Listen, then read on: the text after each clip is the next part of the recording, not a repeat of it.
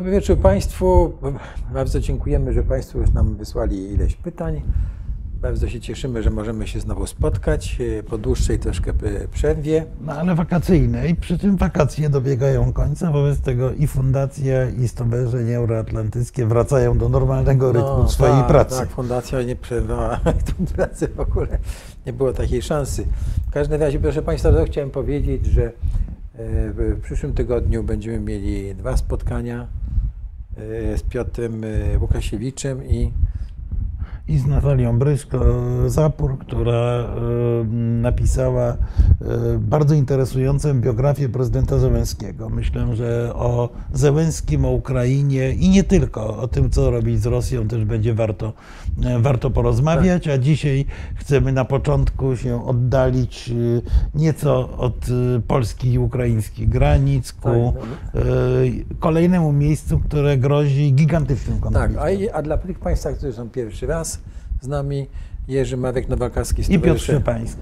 tak, Stowarzyszenie Atlantyckie i Fundacja Wspomagania Wsi i na- nasze organizacje współpracowały przy wejściu Polski do Unii Europejskiej, do NATO i teraz wróciliśmy do tej współpracy tak trochę edukacyjnie, a trochę towarzysko, tak żeby spotykać się z Państwem i omawiać te rzeczy. No, ale też Ma- prawdę mówiąc, po, po wybuchu wojny, y, Ros, czy napaści Rosji na Ukrainę, bo to nie jest, pełno, nie jest formalnie wojna, nikt jej nie powiedział, y, to doszliśmy do wniosku, że mówienie o więzi transatlantyckiej, o tej polskiej kotwicy w świecie Zachodu jako głównej gwarancji bezpieczeństwa jest na tyle ważne, że od czasu do czasu pozwalamy sobie Państwu głowę tym zawracać.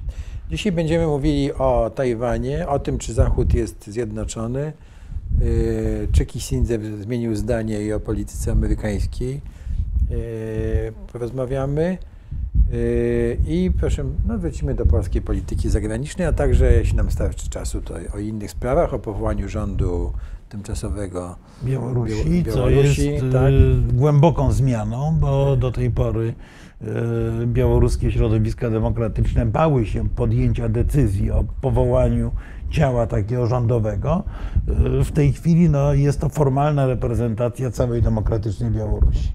No dobrze, to w takim razie Tajwan, który nam e, się wydarzył podczas naszej nieobecności.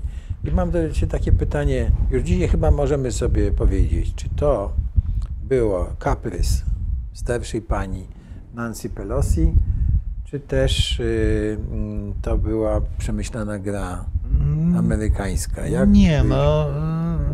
Stany Zjednoczone są cywilizowanym państwem. Tam y, kaprysy pojedynczych polityków nie mogą kształtować polityki państwa i oczywiście Nancy Pelosi, decydując się na podróż do Tajpej, y, robiła to bez wątpienia w konsultacji z Departamentem Stanu, w konsultacji z Urzędem Prezydenckim.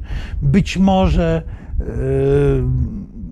kwestią dyskusyjną był sam moment tej, tej wyprawy, y, bo, bo tutaj w pewnym momencie taka dyskusja się wewnątrz elit amerykańskich odbyła. Natomiast co do tego, że y, szefowa Izby Reprezentantów, czyli osoba numer 3 w amerykańskiej hierarchii państwowej wybiera się na Tajwan, to na pewno nie jest to prywatna wycieczka, jest to wyjazd, który jest wyrazem polityki Stanów Zjednoczonych. I przypomnę Ci, że y, kilkakrotnie w ostatnich miesiącach prezydent Biden również y, bardzo wyraźnie podkreślał, że Stany Zjednoczone są absolutnie zdeterminowane, żeby bronić y, niezależności, bo tutaj jest delikatność słowa niepodległość, i niezależności demokratycznego Tajwanu. Y, I y, od wielu lat nie padały deklaracje tak mocne, że Ameryka się zaangażuje militarnie, jeżeli cokolwiek Tajwanowi będzie groziło. Więc y, tutaj to usz, usztywnienie polityki amerykańskiej w kwestii tajwańskiej było już widoczne od jakiegoś czasu. Zresztą no, jest to element tej większej gry amerykańsko-chińskiej. Ja powiem szczerze, to, mm, że ja mam takie wrażenie, iż e, Amerykanie e, świadomie i celowo zaostrzają sytuację wokół Tajwanu, zdając sobie sprawę, że mają w tej chwili przewagę wojskową nad Chinami i e, że ta przewaga może nie trwać wiecznie, a w każdym razie, że czas niekoniecznie gra na korzyść Stanów Zjednoczonych. Przynajmniej do tej pory niekoniecznie grał na korzyść Stanów Zjednoczonych. Wobec tego, jeżeli ma dojść do konfliktu, to lepiej, żeby do niego doszło prędzej niż później. Prawdę mówiąc, to znowu to jest bardzo daleko bardzo daleko posunięta e, hipoteza, ale prawdę mówiąc, to jak ja obserwuję politykę amerykańską wobec Chin w kwestii Tajwanu, to e, nie ukrywam, że przypomina mi ona to, jak wyglądała polityka Roosevelta wobec Japonii w przededniu II wojny światowej. Amerykanie ewidentnie popychali Japończyków do tego, żeby Japończycy sprowokowali wojnę ze Stanami Zjednoczonymi, bo demokratyczne państwo nie bardzo może tę wojnę prowokować. Mhm. Natomiast ma oczywiście pełne poparcie społeczne i zostało zaatakowane.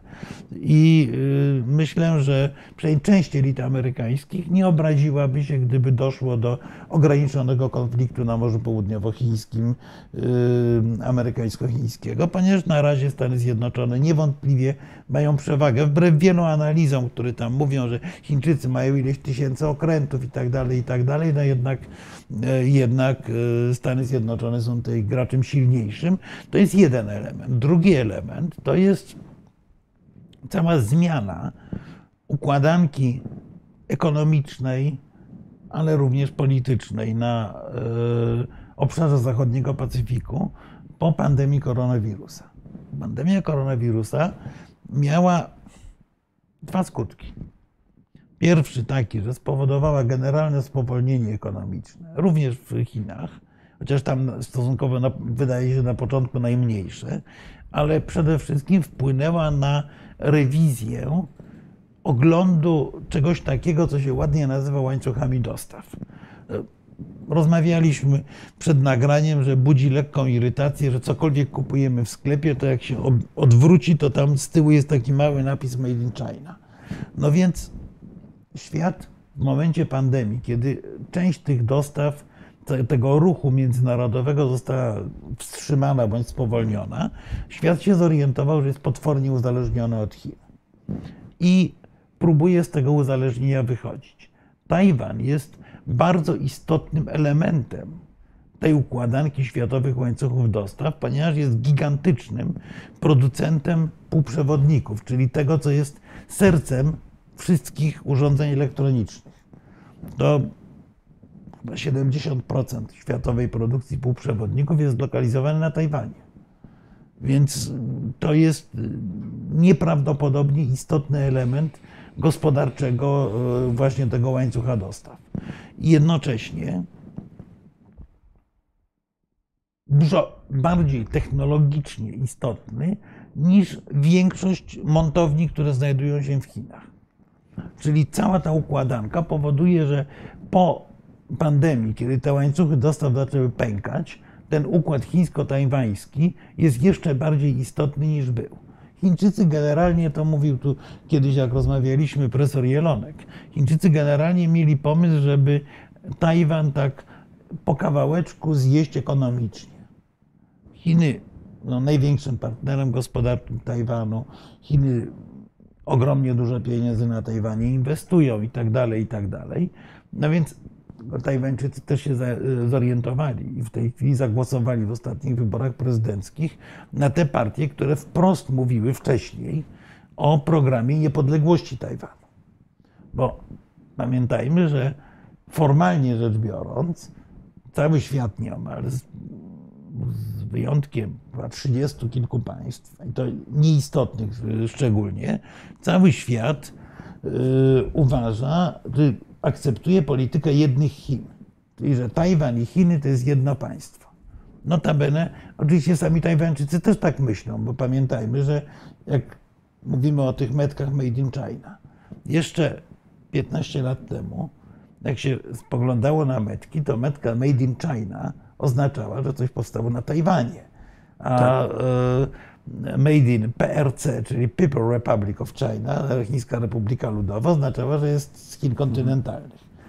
Tutaj te relacje, cała psychologia tej, tej, tej opowieści chińskiej, wzajemnej o, tej, o tych jednych Chinach jest swoją drogą niesłychanie interesująca, no bo przecież Tajwan powstał jako Republika Chińska, bo tam uciekł Chiang Kai-shek, tam uciekły legalne władze Chin po rewolucji komunistycznej i bardzo długo, aż do słynnego, słynnej wyprawy Kissingera, a potem Nixona do, do, do Pekinu i nawiązania stosunków z Chińską Republiką Ludową, bardzo długo to Tajwan był reprezentantem Chin na arenie międzynarodowej. Oczywiście Pekin z irytacją przyjmuje jakiekolwiek, yy, yy, jakiekolwiek yy, sygnały niezależności czy niepodległości Tajwanu i w mitologii takiej politycznej chińskiej partii komunistycznej odzyskanie Tajwanu jest jednym z najważniejszych celów. Przypominam, że Mao Tse-tung w pewnym momencie już przygotowywał w ogóle inwazję na Tajwan. Został powstrzymany przez Sowietów, którzy powiedzieli, że go nie poprą w tej, w tej inwazji. Czyli i dla Xi Jinpinga, który nie wprost, ale nawiązuje do tradycji Mao, kwestia tajwańska jest jedną z najważniejszych. W propagandzie chińskiej, w chińskiej debacie wewnętrznej, ten Tajwan zajmuje niesłychanie ważne miejsce. Odzyskanie Tajwanu, reunifikacja, zjednoczenie Chin po odzyskaniu y, Hongkongu i, y, y, i Makao, to jest formalnie na papierze jeden z kluczowych celów partii komunistycznej. konstytucji. To jest konstytucyjnie, ale jest to cel taki średnio, średnio czy krótkoterminowy wręcz partii komunistycznej. I jak patrzymy na to w ostatnich latach, to Xi bardzo dokładnie powtarza całą tą argumentację i krok po kroku eskaluje napięcie w relacjach z Tajwanem. Teraz co się stało?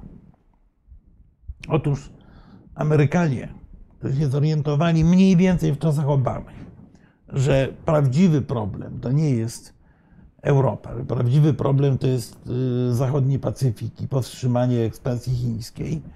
Amerykanie zaczęli montować z kolei kontrsojusz.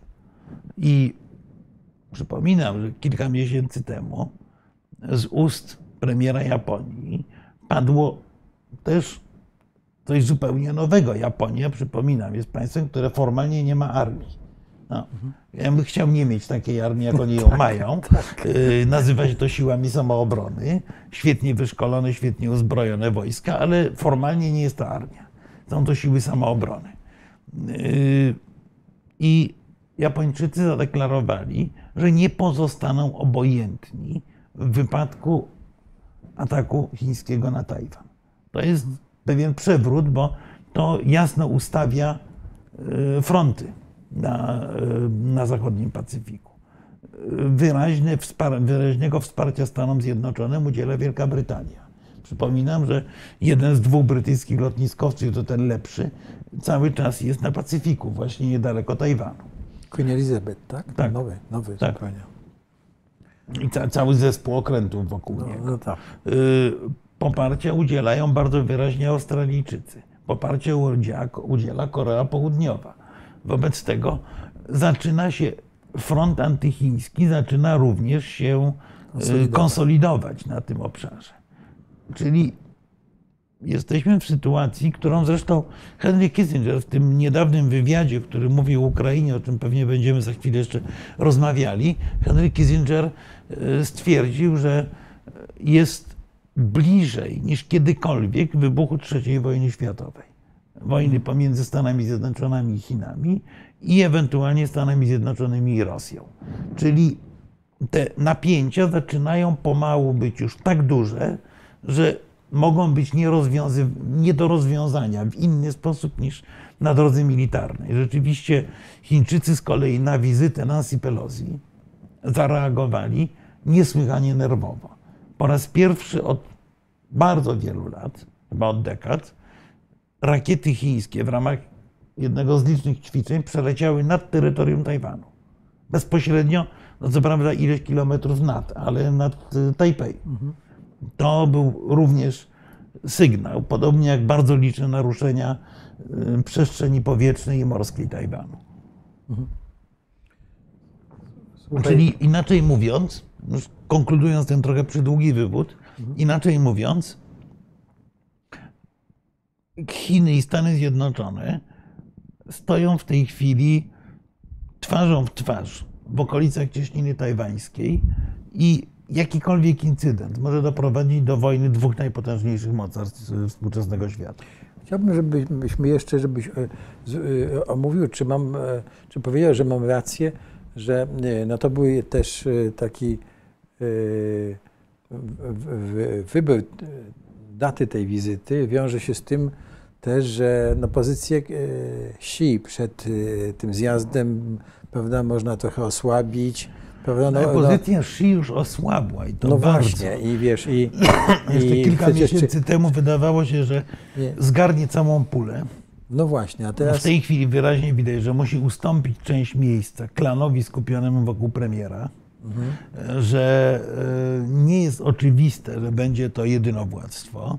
Wobec tego on jest też zmuszony, żeby napinać mięśnie i żeby, żeby, ale też żeby pokazywać. przeżyć w ogóle moim zdaniem, bo e, w dużej mierze, no bo jednak e, ta, sytuacja gospodarcza troszkę jest gorsza, prawda? Tutaj, tutaj ta, ta rozdmuchana bardzo akcja, że Tajwan jest częścią Chin i jednoczymy, a, a jednocześnie, prawda, ten psztyczek, no, znaczy no osłabia jest jego pozycję. No to jest, to, to, to, to jest bardzo mocny, tak. bardzo mocny Tak. gest, wskazujący na to, że Stany Zjednoczone traktują Tajwan w istocie jako niepodległe państwo. No bo do takich, Mhm. do takich y, krajów wyjeżdżają tej rangi politycy Stanów Zjednoczonych. Więc y, i nie, nie mam wątpliwości, że było to uzgodnione. Y, Nie mam wątpliwości, że Amerykanie celowo zwiększają napięcie, być może po to, żeby rzucić chińskie władze na kolana, ale być może również, żeby sprowokować Chińczyków do jakichś nieprzemyślanych działań, które skończą się zimnym prysznicem, no bo y, jeżeli doszłoby do konfliktu zbrojnego, najprawdopodobniej wygranego jednak przez Stany Zjednoczone, no to Chiny cofają się w swoich mocarstwowych ambicjach o 20 lat tak naprawdę. No i Amerykanie mają pewien oddech. Yy, I yy, to jest pewien paradoks, ale yy, jak kilka razy już, kilka razy już powtarzałem, że yy, paradoksalnie wojna tocząca się na terytorium Ukrainy jest w dużej mierze wojną amerykańsko-chińską, mimo że wojnę toczy Rosja przeciwko Ukrainie. No dobrze, to w związku z tym, a czy Chiny mogą e, tak za, zareagować, że e, jednak się zdecydują na jakąś pomoc e, dla, dla Rosji? Znaczy konflikcie. tę pomoc dla Rosji oni... yy, Tam są jakieś ciężarówki obiecane. No tak, ale w jakim sensie udzielają? No Tutaj czerwoną linią, którą bardzo wyraźnie zasygnalizowali Amerykanie, jest sprzęt wojskowy. Jeżeli Chiny zaczną sprzedawać uzbrojenie Rosjanom, to Amerykanie mogą to uznać za przekroczenie e, granicy, co też zresztą e, Amerykanom e, z jednej strony będzie utrudniało życie, z drugiej ułatwiało, dlatego że, e, dlatego, że Stany Zjednoczone bardzo chcą, to wyraźnie było widać na szczycie NATO w Madrycie. Stany Zjednoczone bardzo chcą doprowadzić do tego, żeby świat podzielił się klarownie na świat demokratyczny i świat antydemokratyczny. I stworzenie takiej osi zła, zrobione, złożonej z Pekinu i Moskwy, spowodowałoby, że de facto cała, cały świat demokratyczny i spora część świata, który udaje demokratyczny, powiedzmy. Tutaj padło już pytanie o Indię, to jest kolejny ogromny temat, ale y, będzie zmuszony opowiedzieć się po jednej ze stron. Bo na razie ogromna większość y, krajów tak zwanego trzeciego świata lawiruje, balansuje te, te relacje. Amerykanie chcieliby doprowadzić do sytuacji, w której Chiny i Rosja są traktowane jako oś zła, która jest ekskomunikowana z cywilizowanego świata, która jest objęta sankcjami, z którą się nie współpracuje. No i to również bardzo by Chińczyków osłabiało. Więc no, mam, Mamy skargę, jest mowa, skarga, że jest tragiczny dźwięk. Być może dlatego, że ja chrypię, ale, ale to, to przepraszam Państwa za to. Tak. Natomiast, y, natomiast wracając do, do, do tematu, więc wsparcie chińskie dla Rosji Amerykanom by oczywiście utrudniało życie, bo, bo się pogorszy sytuacja wojskowa w, w Ukrainie, ale u, z drugiej strony ułatwiałoby im wielką politykę, czyli na przykład żądanie od Niemiec, żeby Niemcy wycofały się ze współpracy ekonomicznej z Chinami. Prawda? To więc y, jesteśmy w tej chwili w momencie, kiedy ta globalna szachownica, o której kiedyś pisał y, Zbigniew Brzeziński, jest y, w gruncie rzeczy przewrócona, czy w jakiś sposób kompletnie zdekomponowana i buduje się ją na nowo. Jak to się na nowo poukłada, zobaczymy. Oczywiście z naszego punktu widzenia sukces amerykański jest ważny, ale też pamiętajmy, że entuzjazm niektórych naszych dziennikarzy w kwestii twardości Amerykanów w kwestii tajwańskiej jest może nieco przedwczesny, dlatego że jeżeli Stany Zjednoczone skupią się na Morzu Południowochińskim, to automatycznie pomoc dla Ukrainy będzie mniejsza. Ukraina będzie w dużo większym stopniu musiała polegać na Europie. No, a z tym bywa cały czas różnie, bo tu któryś z Państwa, y, chyba z Panów jednak, wyrażał wątpliwości, czy w ogóle istnieje coś takiego jak, y, y, jak solidarność Zachodu. Oczywiście ta solidarność jest osłabiana przez dziesiątki różnych partykularnych interesów. To jest jasne. Prawdę mówiąc, rozmowy polsko-niemieckie w sprawie zatrucia Odry są tego najlepszym takim przykładem w skali mikro.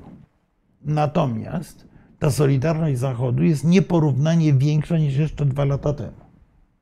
Niż jeszcze półtora roku temu nawet. Bo trzeba mieć świadomość jednej rzeczy. Trzeba mieć świadomość tego, że w momencie, kiedy Władimir Putin zaczyna grozić bronią atomową, to każdy, czy to w Berlinie, czy w Paryżu, czy w Warszawie, czy gdziekolwiek indziej, zdaje sobie sprawę, że jedynym partnerem, który może nas przed tą groźbą Putina obronić, są Stany Zjednoczone. Czyli krótko mówiąc, Zachód w jakimś stopniu skupia się wokół Ameryki, tak jak skupiał się w okresie zimnej wojny. Zagrożenie wymusza większą solidarność, a to zagrożenie jest, to zagrożenie rośnie. To nie jest tak, że Chińczycy myślą, planują atak na Tajwan. To jest znowu kolejna zmiana modelu politycznego. Do tej pory Chiny, od czasów przynajmniej Deng Xiaopinga, przedstawiały się jako to mocarstwo pokojowe, mocarstwo ograniczone, mocarstwo, które chce budować współpracę gospodarczą. Tak było w początkach władzy Xi Jinpinga. Xi w drugiej części swojego przywództwa w Chinach już poszedł w kierunku tak zwanej wilczej dyplomacji, poszedł w kierunku zaostrzenia chińskiej polityki, ale jeżeli Chiny zdecydowałyby się na użycie siły zbrojnej, tak jak zdecydowała się Rosja w Gruzji, a potem w Ukrainie, no to jest przewrócenie światowego stolika.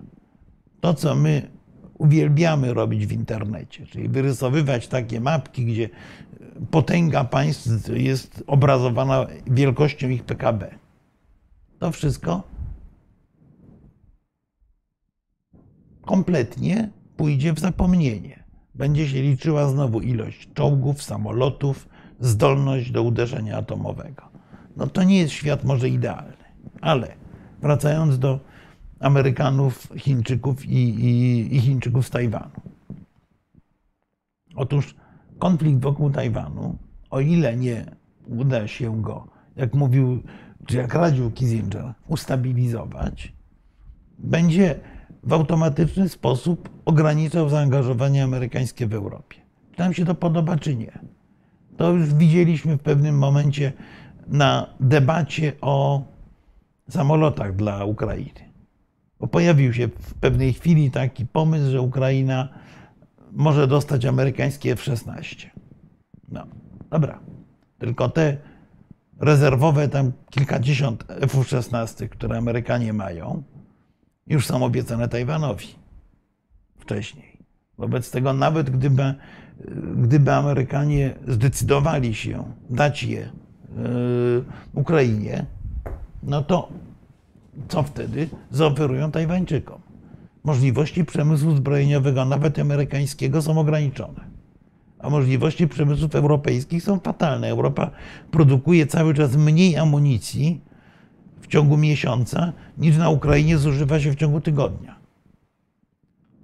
Czy jesteśmy skłonni, jako Europa, wejść w gospodarkę półwojenną? Powinniśmy pewnie, ale jeszcze nie jesteśmy na to gotowi. Aczkolwiek to wszystko krok po kroku idzie w stronę wzmocnienia zachodniej solidarności. Taka drobna rzecz, zupełnie z innego, zupełnie z innego nietajwańskiego koszyka. Bodaj dwa dni temu kanclerz Scholz poinformował z dumą, że Niemcy podpisały umowę na zakup gazu ziemnego z Norwegii. Norwegowie z kolei, trochę wbrew swojej polityce, szczerze mówiąc, znacząco zwiększą wydobycie. W każdym razie po tym kontrakcie okazuje się, że największym na świecie eksporterem gazu jest Norwegia, a nie Rosja. No to tutaj muszę Cię za- zapytać od razu, bo mi się, jak to mówisz, to mi się przypomina, czy nasuwa e, Arabia Saudyjska. We wszystkich dotychczasowych konfliktach, jakie były, Amerykanie zawsze e, je- je- jechali do Arabii Saudyjskiej, no, która zwiększała wydobycie, prawda? I w ten sposób e, ZSRR czy Rosja były e, pos- e, pozbawiane źródeł dochodu. Tak? No, i, no i teraz mamy tę sytuację z Norwegami, no nie, niezwykle ciekawą. Ale przepraszam, bo ci przerwałem, ale bo jeszcze chciałbym wrócić do re, rejonu Nie, Azji, no, to- Azji Południowej. Znaczy ta, ta decyzja norweska oczywiście to też to jak y, w, starym, w starych dowcipach wszystko ze wszystkim się łączy. Y, Ta decyzja norweska wskazuje na to, że jednak ta solidarność świata zachodniego nie jest tylko y, propagandową wydmuszką, że jest realne. Swoją drogą również solidarność y, krajów dyktatorskich, bo pani Katarzyna y, zapytała, y, jak w sytuacji konfliktu w Azji zachowałaby się Korea Północna. No, przypominam, że Korea Północna ustami y, Kima zaoferowała już Rosji, że oni wyślą swoich żołnierzy na, przeciwko Tak, Ukrainie. To jest Więc- o tyle realne, że oni mają przecież nie tylko żołnierzy, ale mają i artylerię u siebie tu, prawda? I, no, i straszne systemy- zabytki, ale mają. Ale tak, ale wiesz, e, do tej strategii rosyjskiej te zabytki mogą, mogą się na, na, nadać. No mają jakieś systemy rakietowe Nie, ale też. rzeczywiście Rosjanom najbardziej brakuje ludzi, no Tak. więc y, a armia my- że- północno-koreańska jest chyba czwartą co do liczebności na świecie. Ale myślisz, że to jest w ogóle realne, żeby żołnierze, no bo oni, jakieś oddziały e, Korei Północnej były w Syrii, gdzieś tam się jeszcze pojawiały w różnych konfliktach. No, myślę, że gdyby Koreańczycy y, zaryzykowali wysłanie swoich żołnierzy na Ukrainę, to mm, no, po, po, ponieśliby bardzo poważne konsekwencje i w Azji Południowej, i y, na inwazji, mm, tak, w Azji Południowej i y, w polityce międzynarodowej w ogóle. No to by była już. Ale co Koreańczykom zależy na polityce międzynarodowej? No, jednak im zależy, no, jednak im zależy. to, e, Poza tym jak są- Koreańczycy nie są wbrew Północni opowieściom oczywiście. północni, nie są tak kompletnie suwerenni, bo oni bardzo mocno zależą od Chin. Chińczycy zdają sobie sprawę, że taka, że taka decyzja y, Spadnie- oznaczałaby. odpowiedzialność spadnie na nich. mm, to, że oni są już czarną owcą, więc, więc też raczej, ra, ra, raczej tak łatwo to, to, to nie pójdzie. A koniec końców, y, wracając do pytania pani Katarzyny, no, w momencie, gdyby doszło do wojny na obszarze y, zachodniego Pacyfiku, to oczywiście ta armia koreańska też ma pewne znaczenie i, i nie można jej rozpraszać na innych kierunkach. Słuchaj, to zwróćmy jeszcze na teren Azji. Jak e, ten, kon- ten konflikt wokół Tajwanu, to co się dzieje, wpływa na przykład na relacje na Morzu Południowochińskim, no, który jest patchworkiem w ogóle z, e, zbieżności konfliktu interesów. Czy tam w ogóle coś się zadziało, czy to jest obserwowane, czy udało jest, się nie- coś to, za... to jest nieustannie obserwowane. Na Morzu Południowochińskim w tej chwili jest stosunkowo dużo sił zbrojnych, ale wokół Morza Południowochińskiego oczywiście toczy się gra polityczna i ekonomiczna. Chińczycy e, pomału starali się kraje regionu i szerzej kraje oceanii również kupować różnymi inwestycjami, działaniami i tak. Tu szczególnie, e, szczególnie widoczne było to w wypadku Filipin. Filipin, które, e, przypominam, były e, przez całe dziesięciolecia obok Polski najbardziej proamerykańskim krajem świata. E, mm, Filipińczycy, czy władze Filipin wyraźnie poszły w kierunku bliższej współpracy, bliższej współpracy z Chińczykami, ale, ale nie do tego stopnia, żeby się pakować w wojnę. Nie do tego stopnia, żeby popierać działania wojenne. E, Z kolei Wietnam no, jest krajem od zawsze e, pozostającym w konflikcie z Chinami. Chiny to jest ten odwieczny wróg e, Wietnamu, nawet jak, jak Wietnamczycy przyjmowali chińską pomoc w okresie wojny wietnamskiej, to przyjmowali ją, ale się nie cieszyli.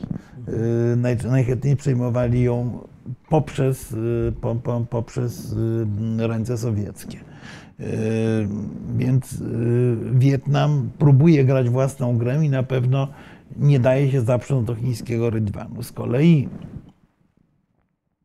już nie Morze Południowochińskie, tylko ciut dalej,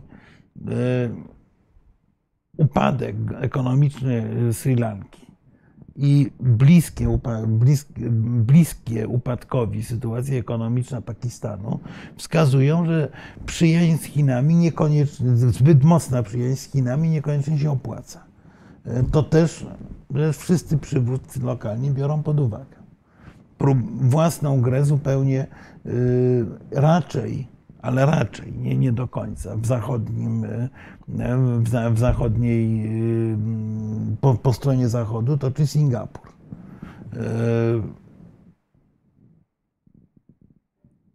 Taką zbalansowaną politykę próbuje prowadzić z kolei największe państwo islamskie świata, czyli Indonezja. Indonezja położona w kluczowym miejscu geograficznym. Trochę dalej, ale Indonezja jest również na przykład potężnym eksporterem ropy naftowej w tym regionie. To cała ta układanka jest taka, że w tej chwili Chin wszyscy zaczynają się trochę bać. Wszyscy zaczynają się obawiać, że Chińczycy wejdą w buty polityki rosyjskiej, czyli polityki agresywnej, prowadzonej za pomocą środków wojskowych, a nie tylko ekonomicznych.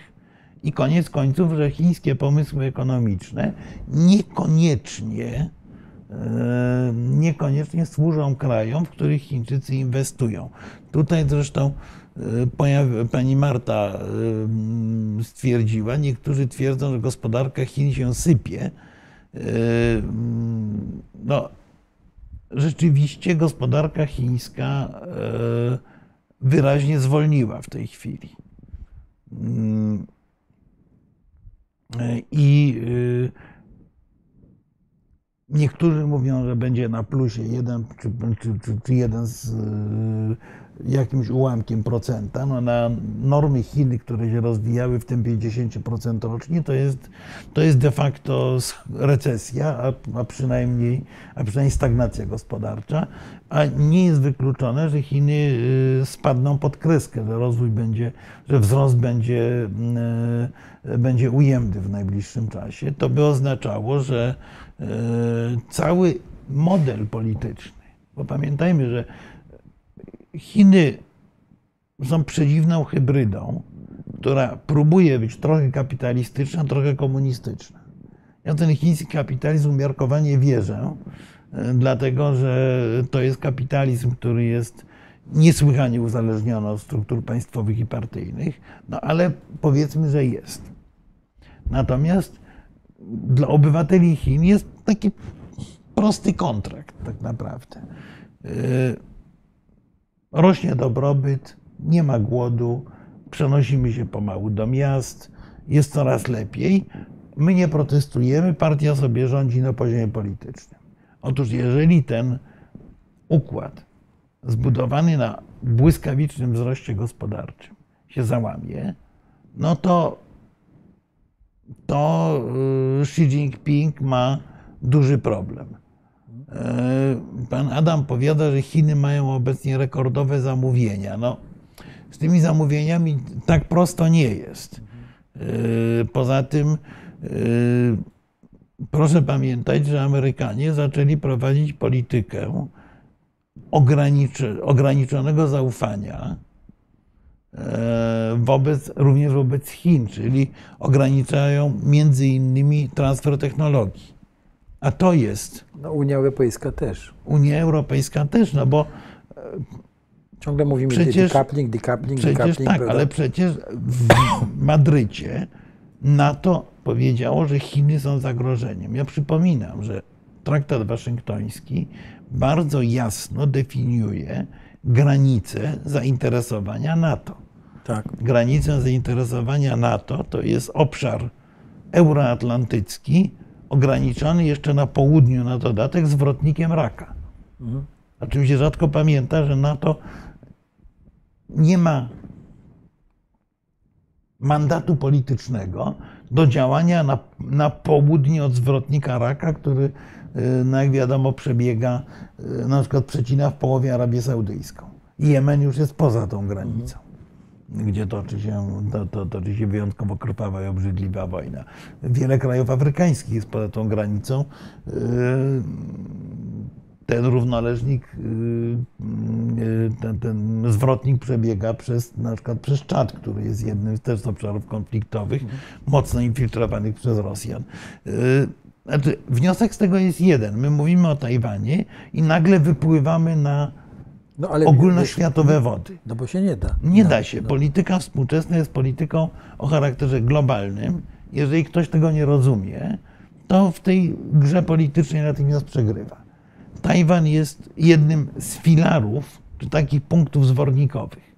Tajwan, właśnie Ukraina, gdzie rozgrywają się konflikty pomiędzy największymi militarnymi mocarstwami współczesnego świata.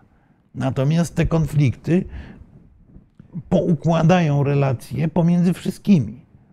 To nie jest przypadek, że tak często mówimy o roli Indii wtedy, kiedy mówimy o wojnie w Ukrainie. Nie jest przypadkiem, że e, nagle, e, nagle e, rosyjska propaganda koncentruje się w Afryce i Ameryce Południowej. Zresztą to jest ciekawe, te, te, też ciekawa historia, ponieważ Stratcom, taki analityczny, analityczny ośrodek związany z NATO, przeanalizował właśnie rosyjską propagandę. Czyli działania rosyjskiej na polu propagandowym, stwierdzają, że Rosjanie kompletnie przegrali w świecie zachodnim, natomiast wygrywają w Afryce. E, w tym, w tym przekazie. Pytanie, to zresztą był ten tak, głos, tak, był ten tak, na początku, że tak. Jest to Afrykanie kupują tę opowieść o wspaniałym życiu w Rosji.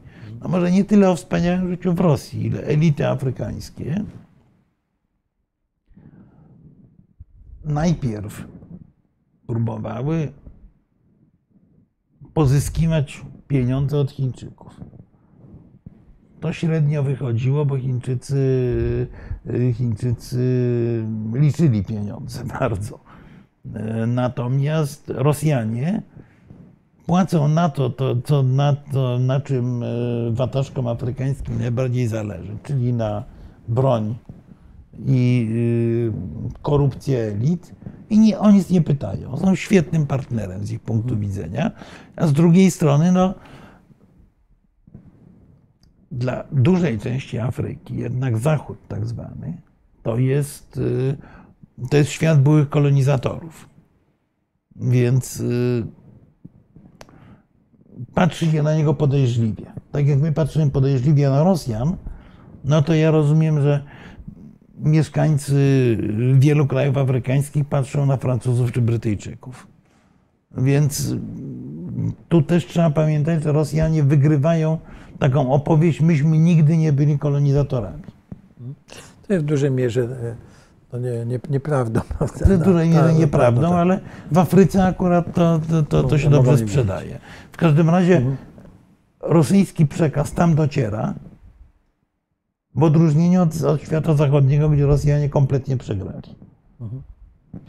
Y, Jak mówiliśmy o tym y, y, szczycie NATO, gdzie były Chiny uznane prawda, za, tam padło nie zagrożenie, tylko nie, nieważne. W każdym razie to właściwie każdy szczyt G7 i G20 no, wydał jakiś komunikat y, o, o Chinach, czy to No tak. w sensie e, Ujgurów, prawda, czy w, w kont- w kontekście Ujgurów, prawda, czy, czy e, no, innych. Tak, no, ale w ale wypadku c- czego, NATO- czego dawniej nie było No jednak. tak, ale w wypadku NATO sojusz nie ma podstaw, żeby się tymi Chinami interesować. Tak, tak. Prawda? Bo Nagle Chińczycy uznaje za zagrożenie. no, uznaje za, czyli można by było wyzwanie. Można przyjąć, że, prawda, że na kolejnych e, szczytach, czy wewnątrz NATO zaczyna się toczyć dyskusja, czy rozszerzamy Znaczy wewnątrz, mandat. Nie, no wewnątrz NATO toczy się debata, y, inspirowana głównie przez Amerykanów, y, na temat y, rozszerzenia obszaru odpowiedzialności sojuszu, tak naprawdę przekształcenia NATO w sojusz globalny. To, że na szczycie madryckim byli Australijczycy, byli Nowozelandczycy, byli Japończycy, wyraźnie też na to wskazuje. No to jest, y, to, to, to, to jest znowu, no, my mówimy, że globalizacja się załamuje, ale żyjemy w świecie absolutnie globalnym. Gry, y, gry mocarstw są grami globalnymi. Jeżeli prowincjonalizm polskiej polityki, muszę powiedzieć, mnie bardzo często poraża, że y, nas, to co, na co koniec. nas to obchodzi. No. Na koniec, tak. E, Słuchaj, e, jeszcze y, czy oprócz y, tego ćwiczeń wokół Tajwanu, Chiny, czy Xi- To nie czy były ćwiczenia, to było No, coś e, więcej. to- To, to- to, po raz pierwszy Chińczycy, to też rzeczywiście Tak. powinniśmy byli o tym powiedzieć, po raz pierwszy Chińczycy doprowadzili do sytuacji, w której udowodnili, że są w stanie zablokować czy izolować Tajwan. Mhm. Właśnie tego producenta ogromnej większości chipów. no, e, powiedzieli, że nie będą e, em- embargo na piasek, prawda? No, Tak. no, piasek jest kluczowy, chyba do produkcji chipów też jest potrzebny.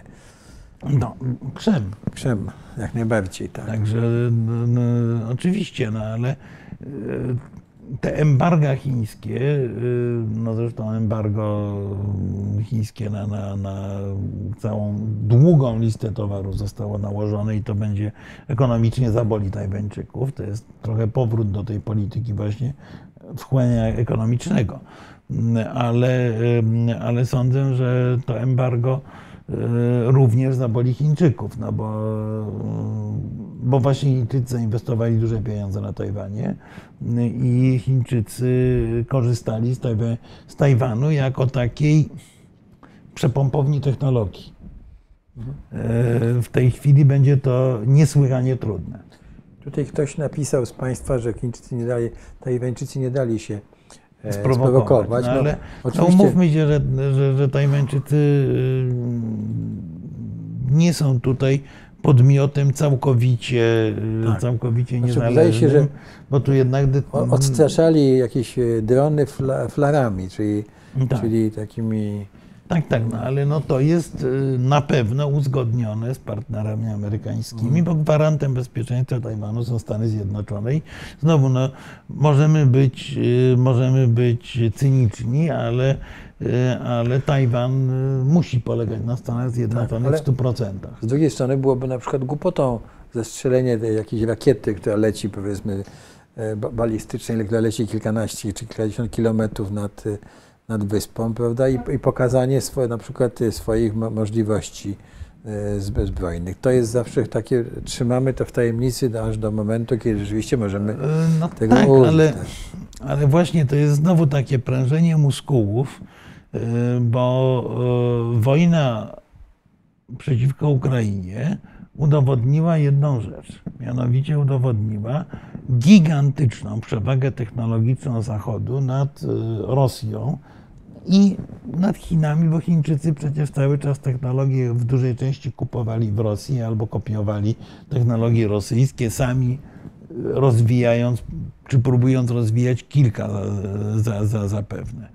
E, Więc Chciałem, e, zanim wrócimy jeszcze do pytań, bo widzę, że już ich dużo i należałoby e, się nimi zająć, to jeszcze chciałem Cię zapytać o dyplomację, działania dyplomatyczne Chin. Na przykład ta wizyta no, Xi w Arabii planowana Saudyjskiej. wizyta Xi w Arabii Saudyjskiej jest e,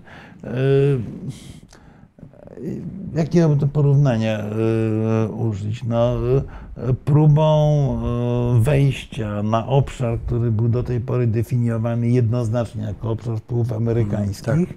i e, wsadzenia nogi w drzwi, tak żeby móc, e, móc się dogadywać z Saudyjczykami. No, Chiny są wielkim, e, wielkim kupcem e, surowców energetycznych, największym importerem surowców energetycznych na świecie to raz.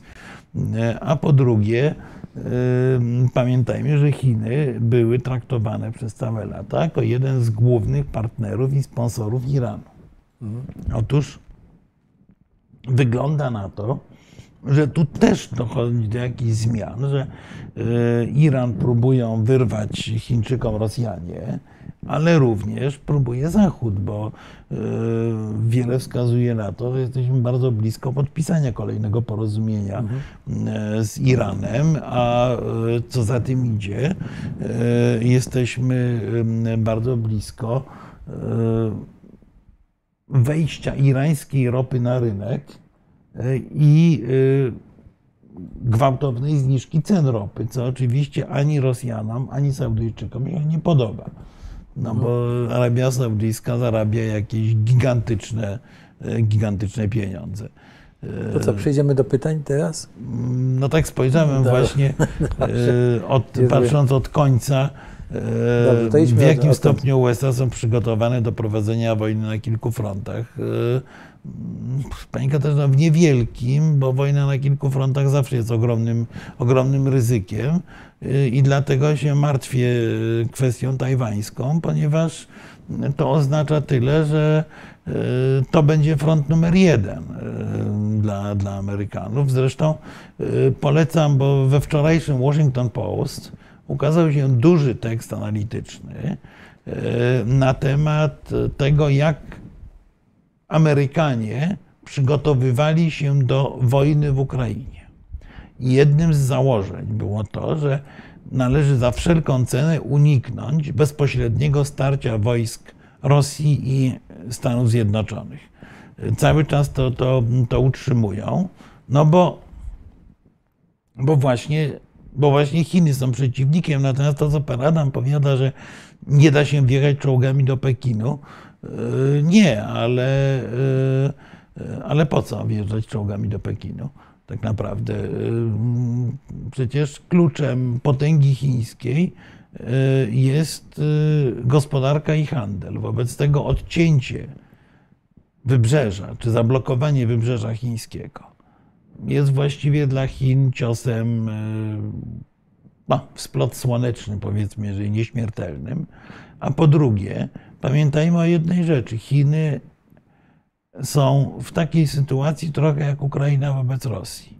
To znaczy przewaga atomowa Stanów Zjednoczonych nad Chinami jest tak gigantyczna, że Chińczycy nie są w stanie za pomocą swoich zasobów atomowych wyrządzić poważniejszej szkody Amerykanom, natomiast Amerykanie są w stanie yy, właściwie zmieść Chiny z powierzchni Ziemi swoimi ładunkami. Tutaj możemy Państwa odesłać do eko- ekonomista ostatniego artykułu właśnie o tym, mówiącego o tym, że Chiny, yy, pokazującymi te dysproporcje, ale też mówiącego o tym, że Chiny yy, mają teraz cel yy, tysiąc głowic, yy, nuk- wiesz, Tak. tysiąc No, ale to jest jeden z elementów tej układanki, Co która, zacznie parę- która parę skłania, Tak. skłania Amerykanów do tego, żeby prowokować Teraz. Chińczyków teraz do wojny, Tak. bo będzie łatwiej niż w przyszłości. Tak. Yy, Tutaj było pytanie, czy mogę prosić e, scenariusza. Jakie cele militarne należałoby osiągnąć, żeby osiągnąć wygraną? Jeśli chodzi o Chiny, yy, myślę, że doprowadzić do mm, porażki, do porażki inwazji na Tajwan, czyli nie dopuścić do zajęcia Tajwanu, z- yy, doprowadzić do znacznego osłabienia albo wręcz zniszczenia chińskiego lotnictwa i floty. No i, i koniec. No, no, niech sobie Chińczycy siedzą u siebie i robią sobie swoje porządki. Proszę pamiętać, że y, żyjemy w świecie, w którym y, jednak y, czynniki takie psychologiczno-godnościowe odgrywają swoją rolę. Wobec tego ten, kto przegrałby wojnę w Dla sposób Chińczyków- oczywisty w dla Chinach, szczególnie. tak, to, Inaczej, był, to, to byłby, byłby skończony.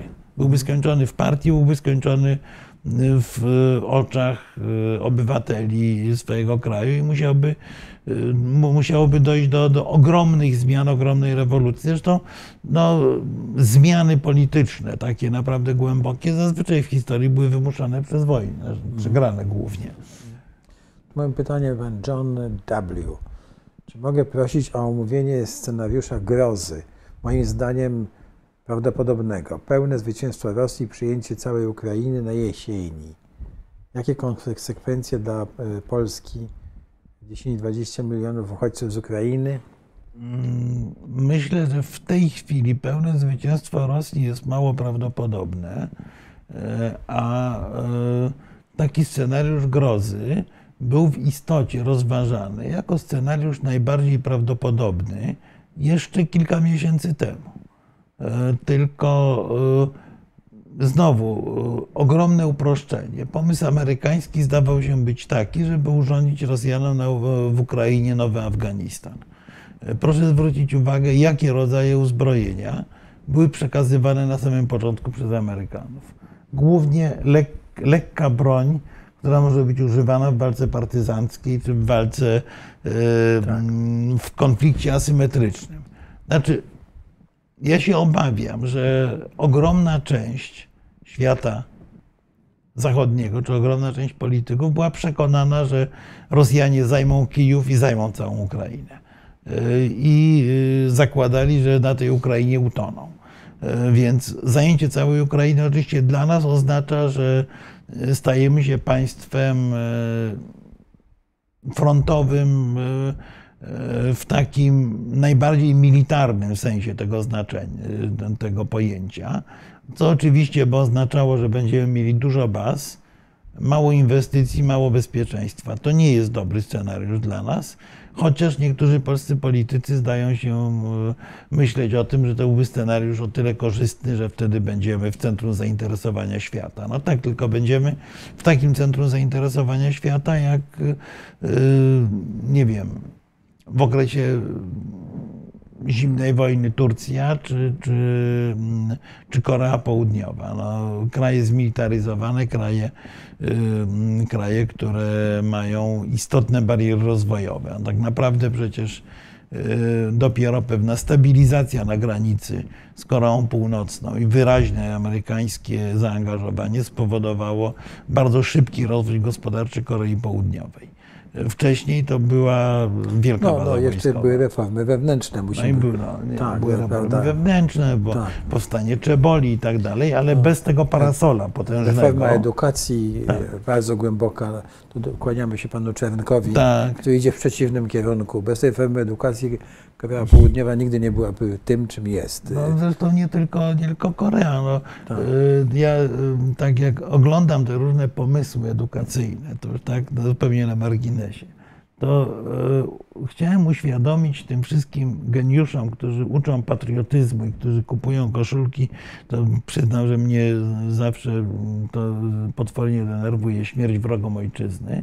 E, polecam przyjrzenie się nieodległemu krajowi, jakim jest Finlandia. Finlandia, która ma najlepszą edukację e, na poziomie szkolnym w skali światowej, bardzo liberalną. I patriotyzm E, na, na, I jest krajem najbardziej patriotycznym w Europie, Europie. chyba i na świecie w tej Tak. chwili. E, 70 parę procent Finów deklaruje walkę w obronie ojczyzny. Znaczy wzięcie w giveaway i pójście. Tak, No, no, tak jest. Zresztą y, no, kolejne, y, ko- kolejny z kolei przeciwnikom prawa do posiadania broni. Przypominam, że regulacje w tej materii w Finlandii są dość podobne do amerykańskich. Y, To jest drugi kraj na świecie, jeśli idzie o nasycenie bronią w rękach prywatnych. Jakoś nie słyszałem, żeby się mordowali masowo Finowie, raczej popełniają samobójstwa, bo wpadają w depresję. Tak. E, Wróćmy do pytań. No, Są ta, pytanie o rolę talibów. To jest bardzo ciekawa. Będziemy to jest mieli w przyszłym ciekawa tygodniu sprawa. Piotra Łukasiewicza i ja mu to pytanie Tak, za- no zadam. Piotr był, tak. spędził, Tak, spędził lata w Afganistanie Mhm. y, i, i y, zna się na rzeczy, ale y, wygląda na to, że talibowie po pierwsze ustabilizowali bardziej władzę w Afganistanie niż ktokolwiek wcześniej, a po drugie chcą w tej chwili y, uzyskać prawo obywatelstwa na międzynarodowych salonach. Y, I jest pytanie, jak zareaguje Zachód, Zachód, czyli Amerykanie, na e, pewne ukłony ze strony Talibanu. No bo model życia jest dla nas trudno akceptowalny. No ale z drugiej strony no, trudno ukryć, że zdaje się sami Afgańczycy go chcieli w większości. Może nie wszyscy, ale większość Afgańczyków go chciała. Wobec tego uszczęśliwianie ich na siłę może nie. W każdym razie e, dopuszczenie do tego, że talibowie stali się narzędziem polityki chińskiej czy rosyjskiej, byłoby głębokim błędem.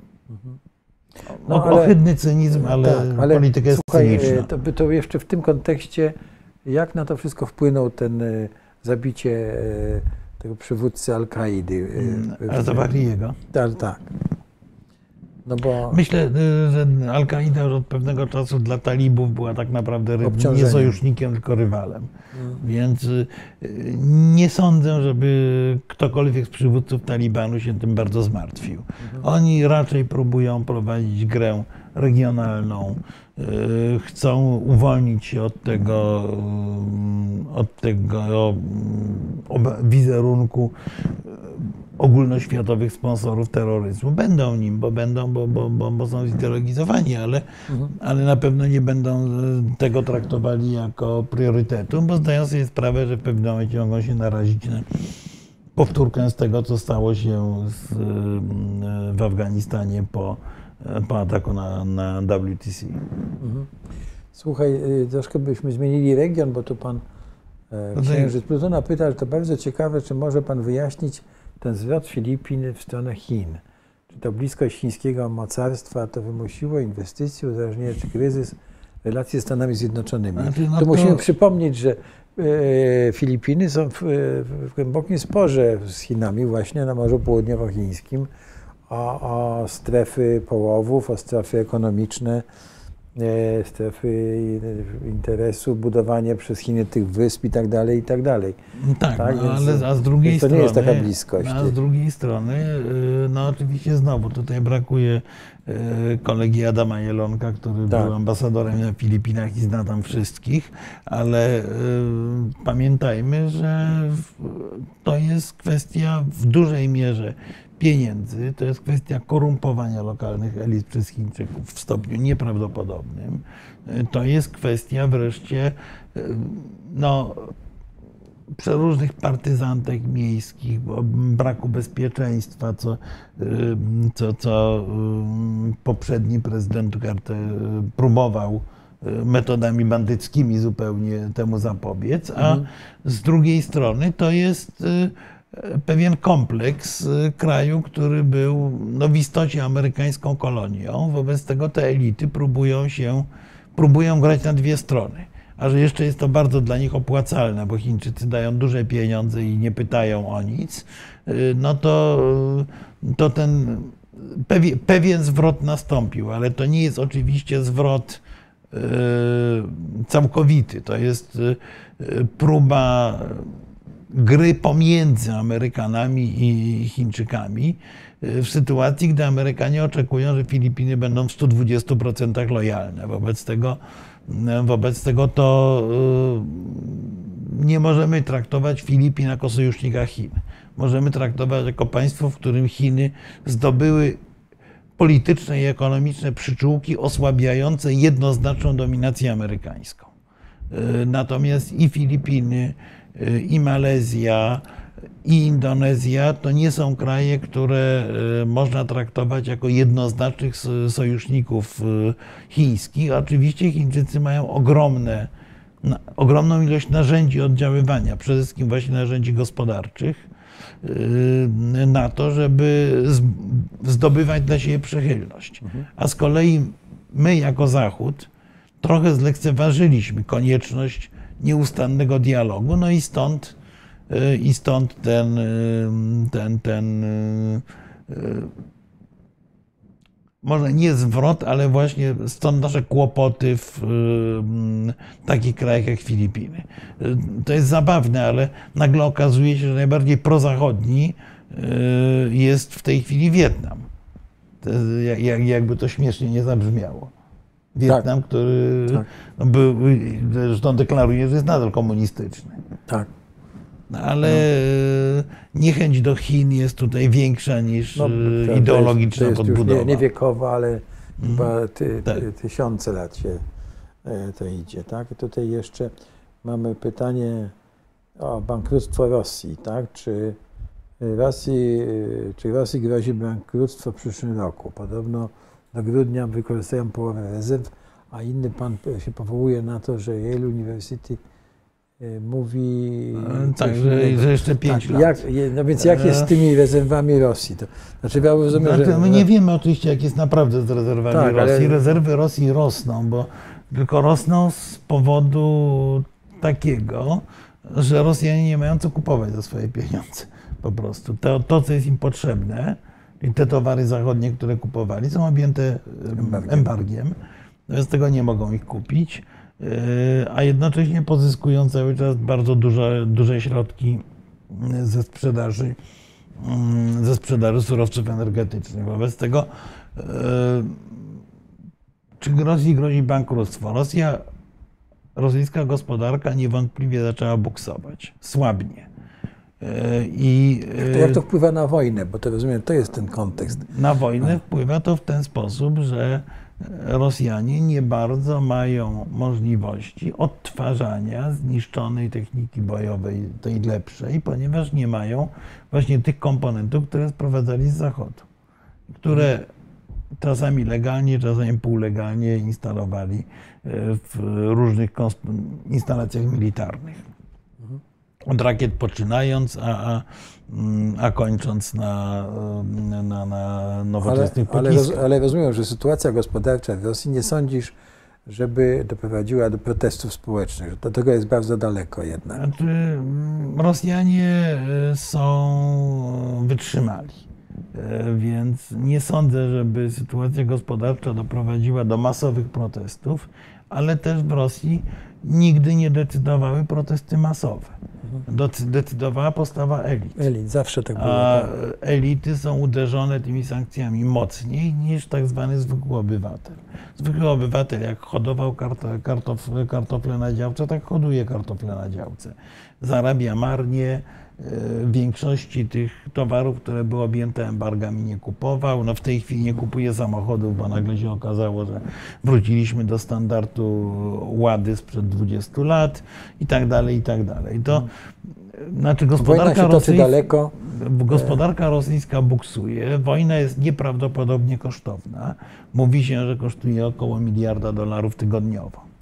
Więc y, no, prost, łatwo policzyć, że to jest y, gdzieś jedna trzecia y, wszelkich rezerw y, finansowych Rosji w ciągu roku zostanie poświęcona na wojnę. Minęło dokładnie pół roku od, od początku tej wojny. Bez tego to są gigantyczne pieniądze. To jest brak modernizacji gospodarki, to jest utrata głównych rynków importowych, czyli Rosji nie grozi bankructwo w sensie dosłownym, czyli w sensie braku płynności finansowej, natomiast Rosji grozi głębokie załamanie gospodarcze i regres gospodarki do poziomu sprzed lat kilkunastu czy, czy, czy dwudziestu. Słuchaj, y, zostawmy na razie pytania w takim razie, tak, i wróćmy do. Mm, tak, tutaj jeszcze jedna, jedna tak. rzecz, Indie zapowiedziały współudział razem z Chinami w manewrach w Rosji. Y, Hindusi i y, Chińczycy zwłaszcza uczestniczyli jako obserwatorzy, czy mhm. jako bardzo niewielkie tak. siły w rosyjskich manewrach zawsze. Zawsze od dawna. I tak. to, to nie jest kwestia, że upa, upadnie idea zbliżenia amerykańsko-indyjskiego. Nad tym obie strony chyba mocno pracują, natomiast to, to nie jest żadna nowość. Przypominam, że ogromna większość sprzętu indyjskiego to jest sprzęt produkcji rosyjskiej, bo Indie w Rosji kupowały po pierwsze dlatego, że taniej, po drugie dlatego, że był to dla nich pewien gest niezależności. No, jakby nas od Rosji oddzielały Himalaje, to też byśmy mogli kupować spokojnie.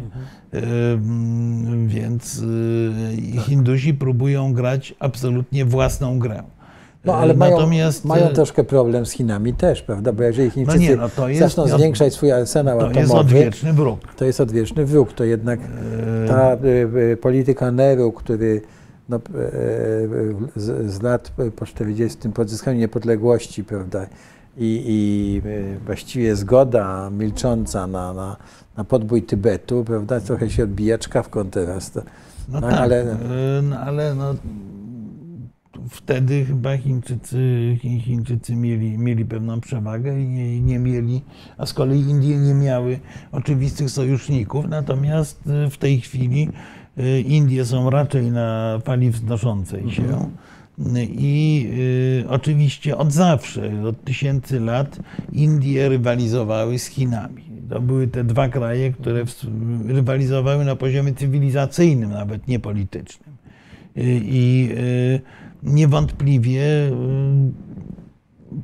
Rosja też jest dla Indii, czy była dla Indii, powiedzmy, pewnym potencjalnym czynnikiem równoważącym siłę Chin.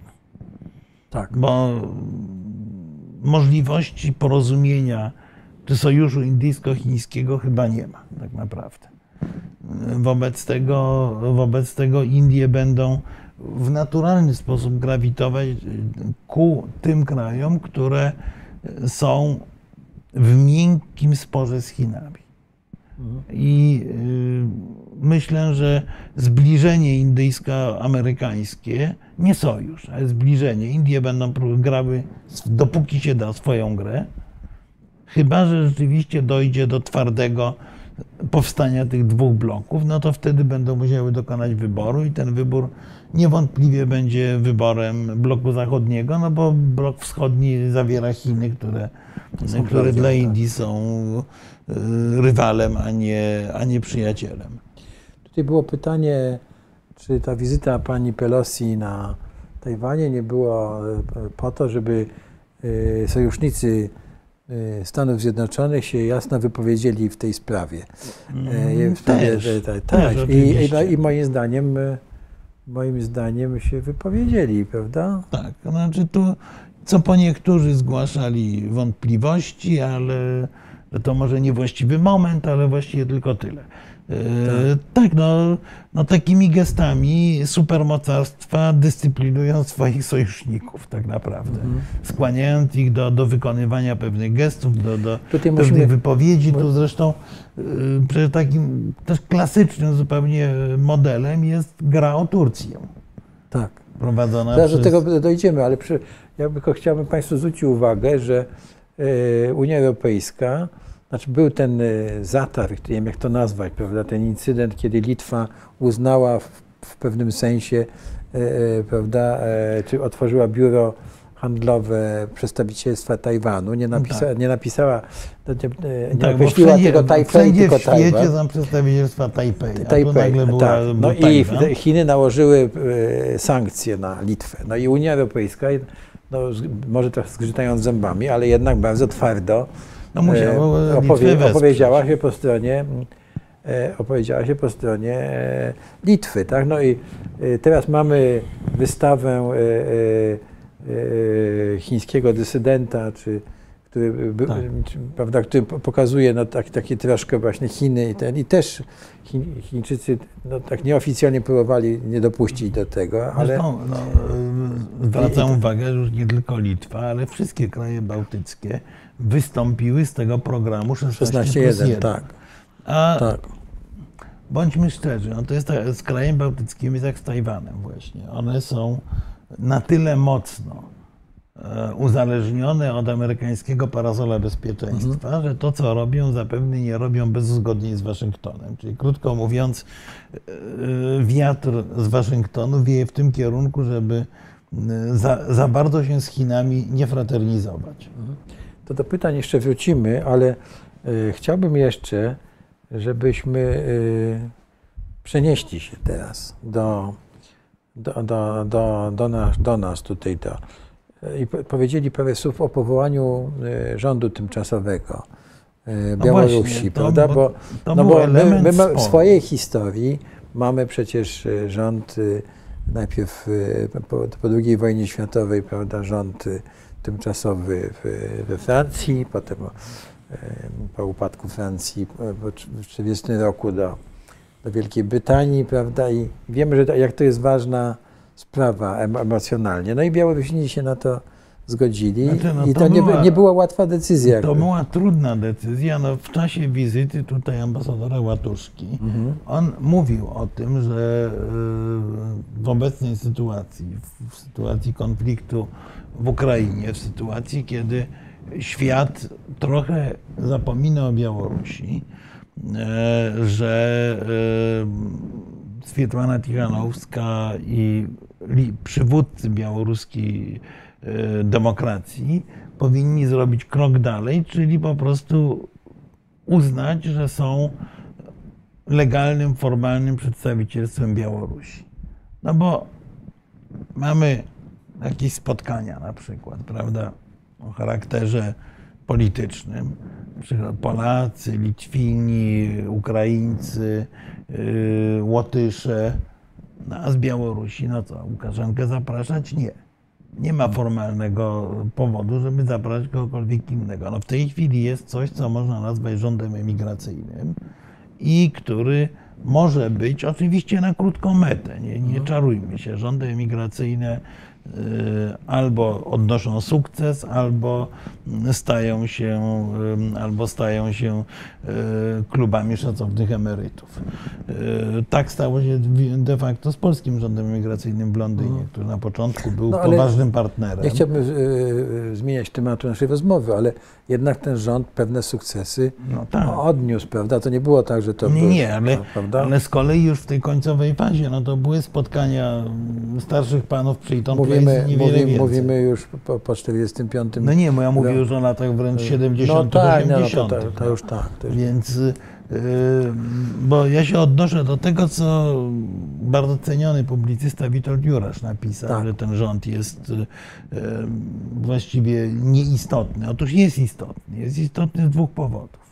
Po pierwsze, w naturalne w sytuacji działania w diasporze spory pomiędzy różnymi środowiskami białoruskimi zostały wyciszone.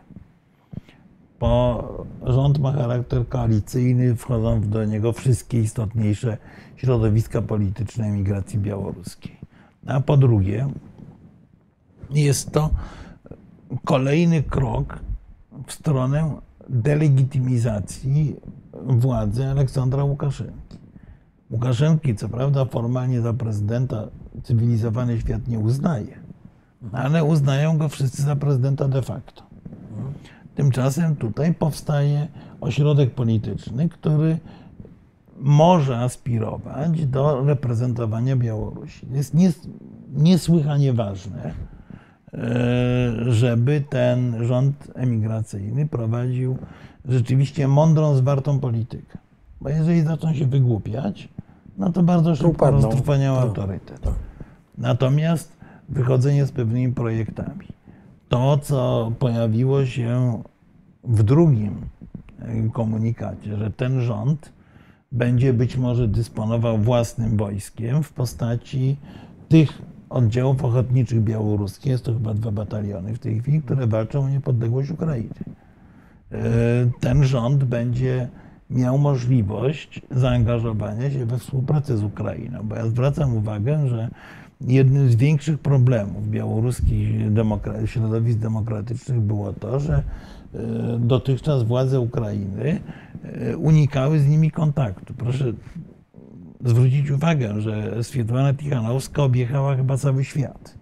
Była przyjmowana jako prezydent w Białym Domu, w Pałacu Elizejskim, była przyjmowana w Londynie. E, No, Nawet większości- wysoko w Stanach Zjednoczonych. Nie no, w Stanach Zjednoczonych była przy, przyjęta przez Bidena po Tak. prostu normalną wizytą w, Białym Domu. Potem były jeszcze tam druga wizyta, gdzie też była na, na szczeblu wiceprezydenta. Natomiast nie było jej w Kijowie. Miejscu, gdzie chyba na drugim miejscu po, po Polsce, jeśli idzie o emigrację z Białorusi, jest właśnie Ukraina. E, Ukraina jest niewątpliwie kluczowym partnerem dla Białorusi. Ukraina handlowała bardzo długo z Łukaszenką. W tej chwili to, co e, zrobili Rosjanie, czyli podporządkowali sobie Białoruś, to raz. A dwa, e, wykorzystali terytorium Białorusi do ataku na Ukrainę, sprawia, że władze Ukrainy powinny nieco zmienić podejście. Teraz jest pytanie, bo do tej pory było tak, że e, duża część tych środowisk demokratycznych na Białorusi e, w istocie stawiała na Rosję. Znaczy oni uważali, że bez rosyjskiej akceptacji nie da się zmienić władzy na Białorusi. Tego szukali dialogu z Rosją. E, I znowu wojna Ukrainy przeciwko Ukrainie przewróciła to wszystko. Teraz wiadomo, że kontakt z Rosją to jest Łukaszenka. Wobec tego e, no, pojawia się pole porozumienia e, ukraińsko-białoruskiego czy demokratycznej Białorusi z, ze, z władzami e, Ukrainy. Zobaczymy, czy to wykorzystają. Do tego również ten rząd może służyć. Wreszcie ten rząd e, ma e, zespoły eksperckie, które mają zaproponować narzędzia odbudowy gospodarczej i politycznej Białorusi po, po wojnie w Ukrainie. No bo prawda jest taka, że jeżeli prawda jest taka, że jeżeli Rosjanie przegrają, no to władza Łukaszenki właściwie będzie do zdmuchnięcia. Nie, taka, nie, tak bardzo łatwa, ale powiedzmy, że Łukaszenka znajdzie się w sytuacji takiej, jakiej znalazł się Jaruzelski w Polsce po tym, jak Gorbaczow oznajmił, że on nie ma nic przeciwko zmianom politycznym i nie będzie się wtrącał. I w tym momencie Białorusini muszą być przygotowani, muszą mieć program, muszą mieć zapewnione finansowanie. Zresztą tutaj są pewne deklaracje Unii Europejskiej o wydzieleniu konkretnych środków na odbudowę Białorusi, jak Białoruś się zdemokratyzuje. E, Muszą mieć nawiązane kontakty dyplomatyczne z kluczowymi krajami. Nie wiem, czy ten projekt y, stworzenia ambasad y, głównie w krajach bałtyckich i w okolicach jest naj, najlepszy, bo jednak chyba powinni, ten rząd powinien stworzyć ambasady w mocarstwach, no ale zobaczymy. Ale no, na pewno jest to nowa jakość. Y, Nie byłbym tak sceptyczny jak Witold Jura, że to jest właśnie e, że to, że to niewiele zmieni, bo, bo my już nie doczekamy demokratycznej Białorusi. Biorąc pod uwagę tempo wydarzeń w naszym regionie, to mówienie, że czegoś nie doczekamy, jest e, głębokim pesymizmem. Słuchaj, czy to nie jest troszkę tak, że no, jednak Rosja nie zniknie, tak? I nawet ten, e, załóżmy, tak się stanie, nowa, nowy rząd e, na Białorusi, no będzie musiał sobie układać jakoś relacje z tą Rosją. No tak, I w związku, jest- z tym, w związku z tym może dlatego się wstrzymują trochę, wiesz, od e, takiego, wiesz, e, hura jawnego kontaktu No z, właśnie, z, z Ukraińcami. układać sytuację z bo, bo, Rosją? bo roz, e, Nie, tak. to Ukraińcy się wstrzymywali z kont- Tak. kontaktu z Białorusinami właśnie. E, Ale e, e, to jest to, co powiedział e, Henry Kissinger e, cztery dni temu w wywiadzie. Dobra, to Wcześniej, teraz, to teraz wcześniej he- Kissinger przejdźmy mówił, do tego tematu, czy Henry Kissinger zmienił zdanie, dobra, i w ogóle to, no, E, Nie, Henry Kissinger nie zmienił zdanie. Mhm. Mimo 99 lat on jest bardzo bystrym obserwatorem Mhm. sceny politycznej. I on, nie on zmienił zdanie, tylko sytuacja się zmieniła. E, Wobec a tego, on ją tak ocenia. To, mo- ją tak ocenia. Już nie będę ci E, przerywał. I nie, i e, to ma też związek z Białorusią, bo Henry Kissinger powiedział, że powinniśmy traktować w tej chwili Ukrainę tak, jakby w istocie była członkiem NATO. Czyli krótko mówiąc, jako naszego sojusznika. To, te wywody zostały, obud- to zostało obudowane pewnym wywodem o tym, że Rosja taka, jaka jest w tej chwili, e, jest krajem tak agresywnym, tak groźnym, tutaj wręcz padło porównanie do Hitlera, że należy ją wyłącznie powstrzymywać, a Ukraina jest kluczowym elementem powstrzymywania. Otóż dokładnie ten sam problem będzie z Białorusią. Jeżeli Białoruś wyzwala się spod dominacji rosyjskiej, to musi popłynąć jednoznacznie na zachód. To, y, na pole do balansowania, do tworzenia takich y, obszarów przenikania się wpływów. Ja to określałem kiedyś, że to jest taka gra e, w tworzenie spółek akcyjnych i rozgrywka, kto będzie miał pakiet większościowy, czy Zachód, czy Rosjanie. Otóż, otóż ta gra się skończyła. Tu w tym regionie Europy można być albo na zachodzie, albo na wschodzie. I y, tertium non datur.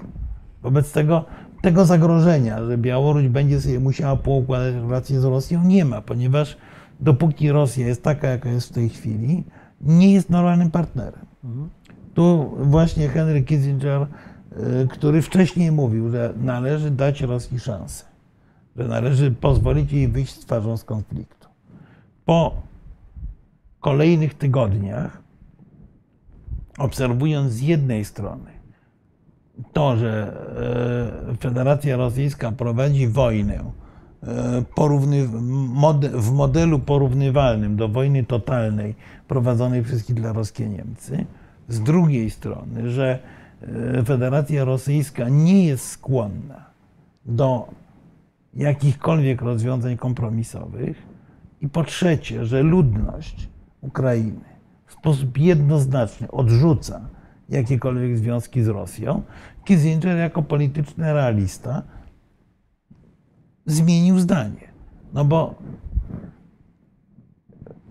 okej, oferujemy Putinowi wyjście z twarzą, on nie chce wychodzić z twarzą, on chce wychodzić z workiem łupów na, na, na plecach. Wobec tego, skoro nie da się z nim rozmawiać, skoro nie da się prowadzić dyplomacji, należy go pokonać.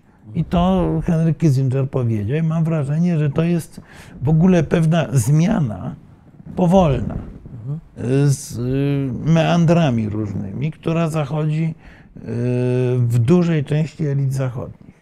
Oczywiście, znowu cytując Kissingera, nigdy nie byliśmy tak blisko wojny światowej. I jesteśmy w sytuacji niesłychanego ryzyka. Ale z drugiej strony, jeżeli, e, jeżeli będziemy próbowali Rosjan czy Chińczyków ugłaskiwać, to, to przegramy tak, jak przegrał Chamberlain.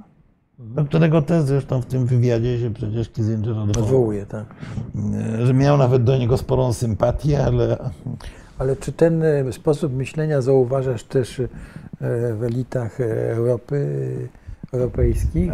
Zwracam Ci uwagę, że od 28 maja e, miłośnik dyplomacji telefonicznej Emmanuel Macron ani razu nie zadzwonił na Kreml, natomiast dzwonił już kilka razy do Kijowa.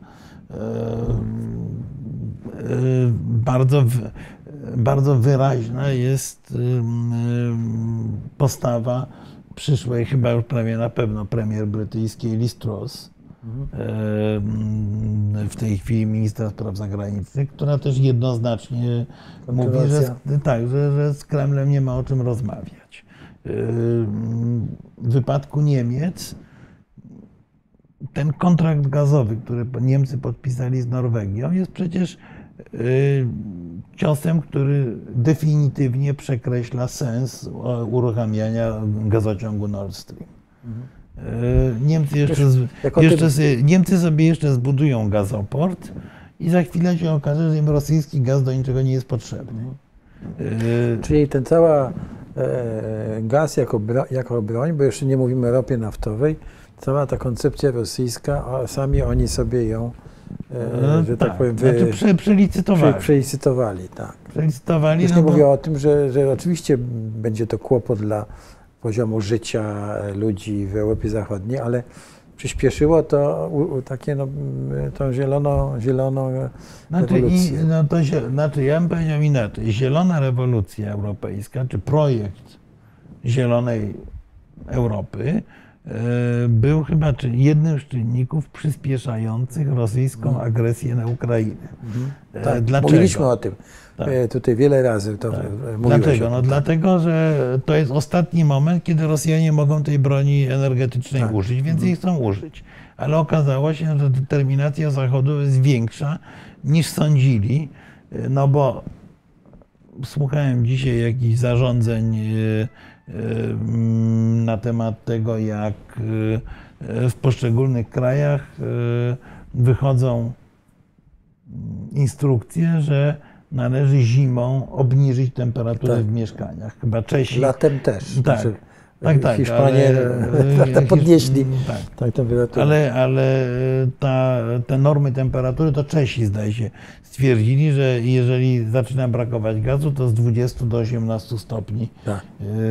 Ustawiamy temperatura w czujniki, mieszkaniach. Tak. Także, także generalnie można powiedzieć, że Europa zaczyna być przygotowana na to, że trzeba będzie Trzeba stoczyć tę wojnę jednak. tak, kupić ciepłe swetry y, i gacie. doprowadzić to wszystko do końca. Skarpety. A na pewno, tak, a na pewno nie, y, na pewno nie wejdą w y, takie ustępstwo wobec Rosji, które by Rosjan satysfakcjonowały. Oczywiście wszyscy chcą ten rosyjski gaz jeszcze kupować, między innymi po to, żeby zapełnić magazyny, ale w długiej perspektywie Rosjanie mają długiej, średniej, dwu, trzyletniej, mają świadomość, że ten rynek się kończy, a innych tak za bardzo nie ma.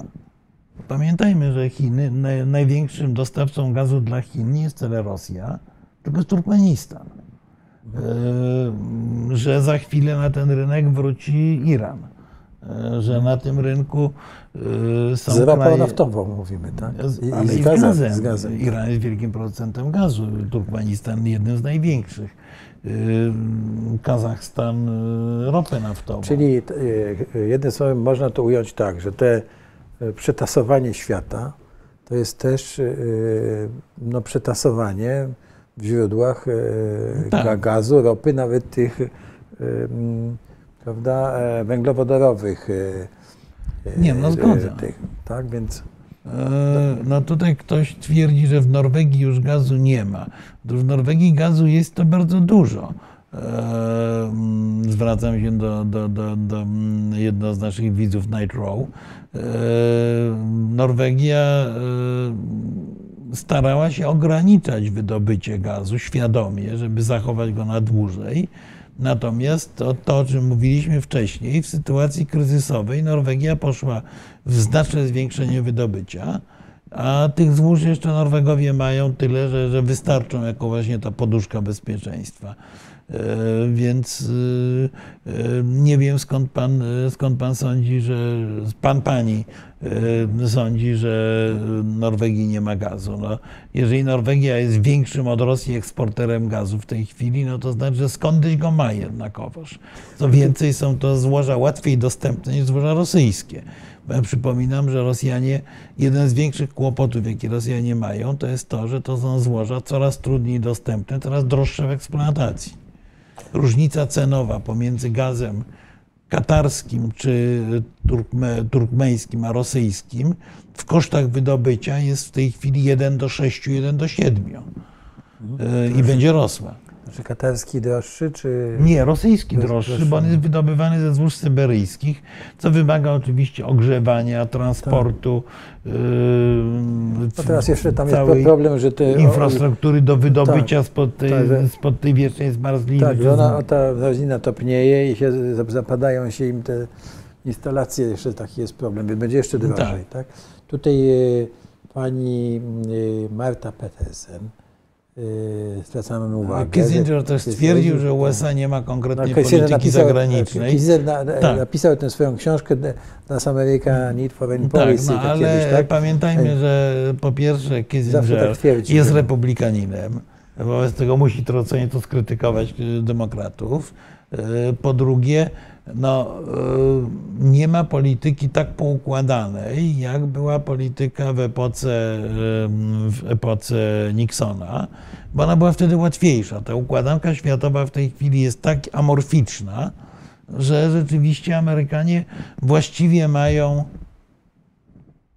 znaczy Amerykanie mają jasną politykę utrzymać rolę dominującego mocarstwa w skali światowej, utrzymać względną solidarność świata zachodu, bo sami nie dają rady pilnować całego świata, osłabić Chiny, osłabić Rosję jako mocarstwa, e, które podważają ten ład, który Amerykanie e, mają. To ja, jak na cele polityczne, no dziękuję, to jednak są, są, cele, są cele polityczne, natomiast e, jeśli idzie o technologię, no to oczywiście, to oczywiście jest sprawa, która jest w tej chwili dyskutowana również, również w Stanach jak, e, jakich narzędzi użyć, żeby te cele polityczne osiągnąć.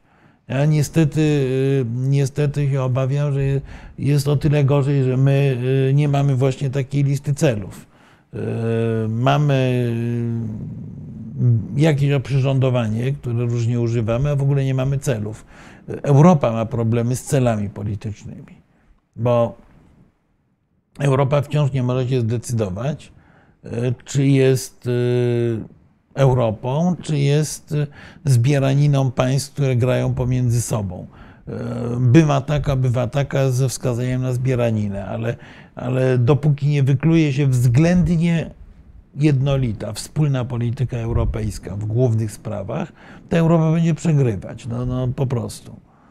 E, Więc y, co, co, co zrobić? Natomiast sugestia, że Kissinger powinien przejść na zasłużoną emeryturę, on jest na No, zasłużonej właśnie, emeryturze. No, już jest na emeryturze. Natomiast y, jako stulatek, y, który no naprawdę sporo pamięta i uczestniczył w większości ważnych rzeczy, zawsze jest, za, za, za, zawsze jest interesujące go posłuchać, nawet jak się nie zgadzamy.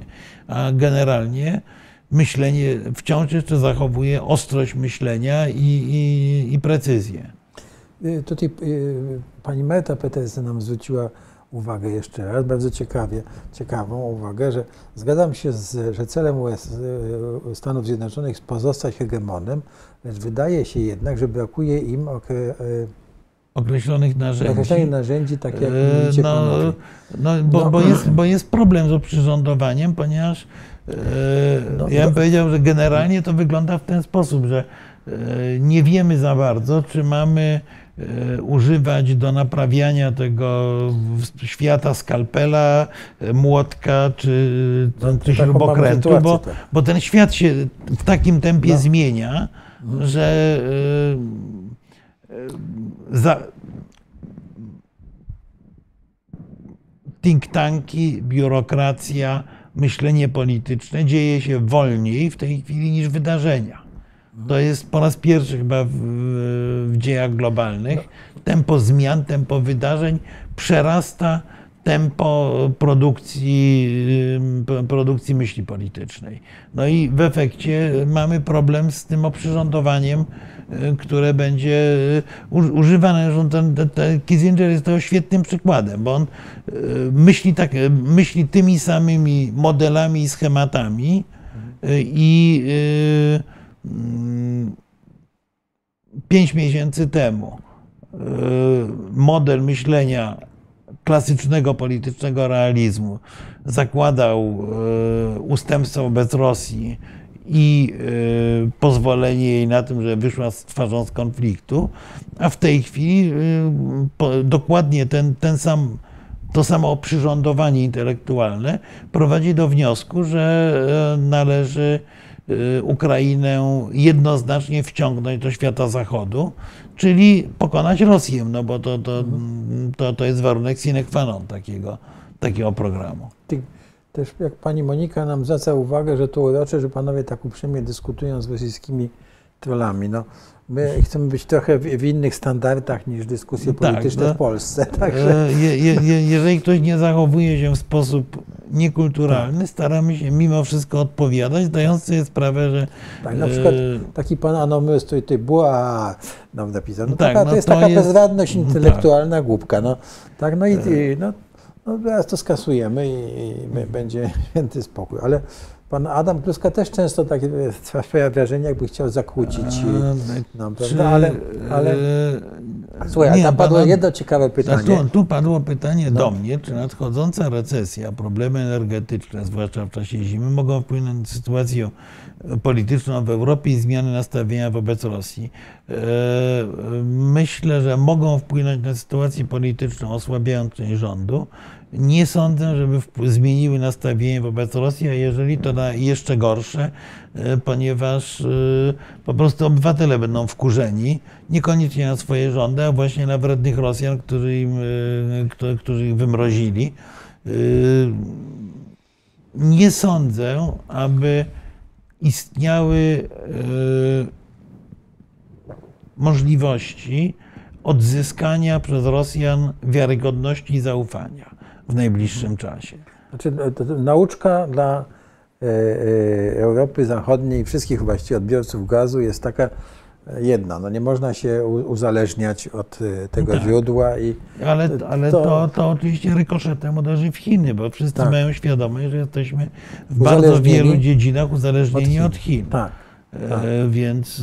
Także e, ten filmik z mm, Łukaszenką, który e, ogląda ten motocykl i wyrzucił tego nieszczęsnego e, dyrektora, Dyrektora fabry, fabryki, fabryki, prawda? On jest kwintesencją tego, bo tam stoi motocykl wyproduko- wyprodukowany rzekomo, proszę znaleźć ten filmik, e, Na Białorusi. na Białorusi, a on się pyta, ale co jest tutaj nasze, tak? Błotnik e, z Chin, tam silnik z Chin, lampa z Chin, podnóżek też z Chin, tak? No i, i, i to jest nie, no. kwintesencja tego, jak, jak można być uzależnionym od Chin, że już nic się u nas... No Tak, przy e, czym te nie- nie uzależnienia oczywiście dotykają bardzo e, delikatnych dziedzin, takich jak leki, antybiotyki. Pół świata jest uzależnione od leków i antybiotyków produkowanych w Chinach i Indiach Tak, właściwie. tak. Wobec tego prawdopodobnie będziemy przenosić e, część produkcji do nas, to znaczy, że ta produkcja będzie oczywiście droższa. Tak. No Nie, nie, nie czarujmy Tak, się. tak, ale trzeba tę cenę zapłacić po prostu, żeby Tak. nie być w rękach... e, No nie, no, tak? żeby nie, nie być obiektem szantażu.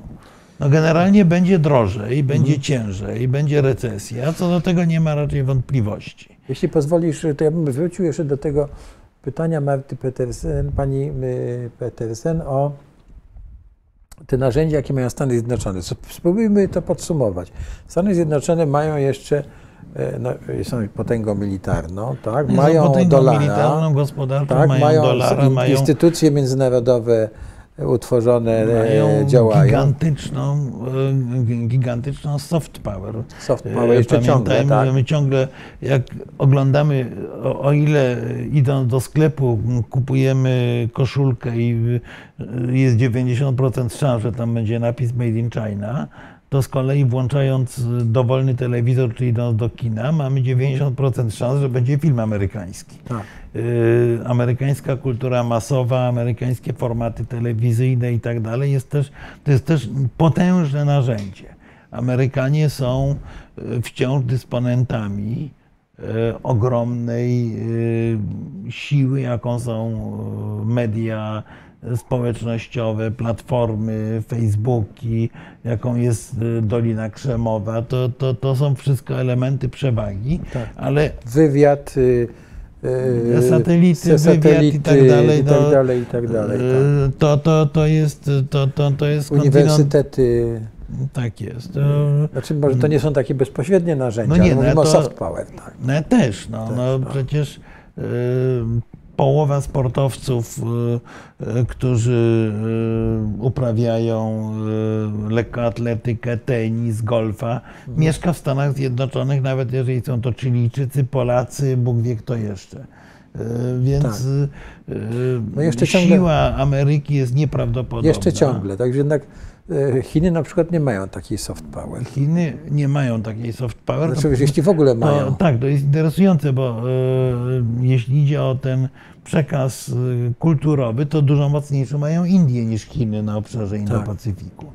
Oczywiście Chiny mają język, mają ogromną diasporę chińską, natomiast Chiny nie są postrzegane jako e, Model eksporter wartości. Sprawdzenia wartości. E, e, bo Chin się zawsze bano w tym regionie, E, a inni Chińczyków w ogóle nie, nie, nie znali, między innymi ze względu na barierę kulturową.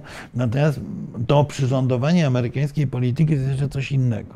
To jest kwestia na przykład zmiany modelu relacji międzypaństwowych. Amerykanie nader często mieli zwyczaj e, walenia pięścią w stół i narzucania niektórym swoim partnerom swojej woli w sposób bezdyskusyjny. Otóż mając takich Hindusów, a nawet e, takiego Erdogana tutaj, muszą używać nieco subtelniejszych środków. To jest jedna rzecz. Druga rzecz to jest e, kwestia wyboru, kiedy używać siły militarnej, kiedy używać siły politycznej. Amerykanie mają problem cały czas z, mm, polityk, z używaniem gospodarki jako elementu polityki. To y, jako narzędzia polityki. To, co mają dopracowane do perfekcji Chińczycy i Rosjanie, to Stany Zjednoczone długi czas broniąc wolności handlu zupełnie ignorowały.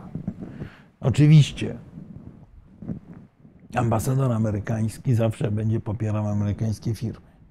Ale amerykańskie firmy nie zawsze, wbrew pozorom, będą y, działały zgodnie z aktualnymi wytycznymi rządu. Y, Wobec tego tutaj Amerykanie, to, to narzędzie Amerykanie mają słabsze. Y, Poza tym chyba nie do, nie do końca zidentyfikowali obszary kluczowe, bo na przykład e, Stany Zjednoczone je w ogromnym stopniu, e, wszyscy oglądali film Helikopter w ogniu, po aferze somalijskiej Stany Zjednoczone je w ogromnym stopniu odpuściły, mówiąc w cudzysłowie, Afrykę. E, Amerykanie muszą odbudować swoją pozycję w Ameryce Południowej, gdzie też Rosjanie i Chińczycy zwłaszcza buszują jak zające w kapuście. E, No bo, bo właśnie polityka to nie są tylko takie twarde działania, ale również pewna, również pewna psychologia. Amerykanie są e, nie, niekoniecznie lubiani na terenie Ameryki Łacińskiej. Pewnie między innymi dlatego, że bywali tam dość mocno aroganccy. E, I że, No, e, pewnie, no. i że Ewidentnie. znana, e, i że znana maksyma prezydenta Eisenhowera, że wprawdzie to sukinsyn, ale nasz sukinsyn, Tak. wspieranie różnych dość, do, do, dość ohydnych dyktatorów jest, jest też No, to e, powodem tej, tej, tej, tej zapaści. W każdym razie skutki, Stany Zjednoczone- skutki mhm. mają problem z tą współczesną polityką, która zaczęła być coraz bardziej polityką twitterowo-facebookową i która wymaga e, z jednej strony czasami pewnej agresywności, którą znakomicie widać e, po Rosjanach, a z drugiej strony wymaga e, takiego bardzo precyzyjnego pozycjonowania opowieści do różnych grup e, odbiorców.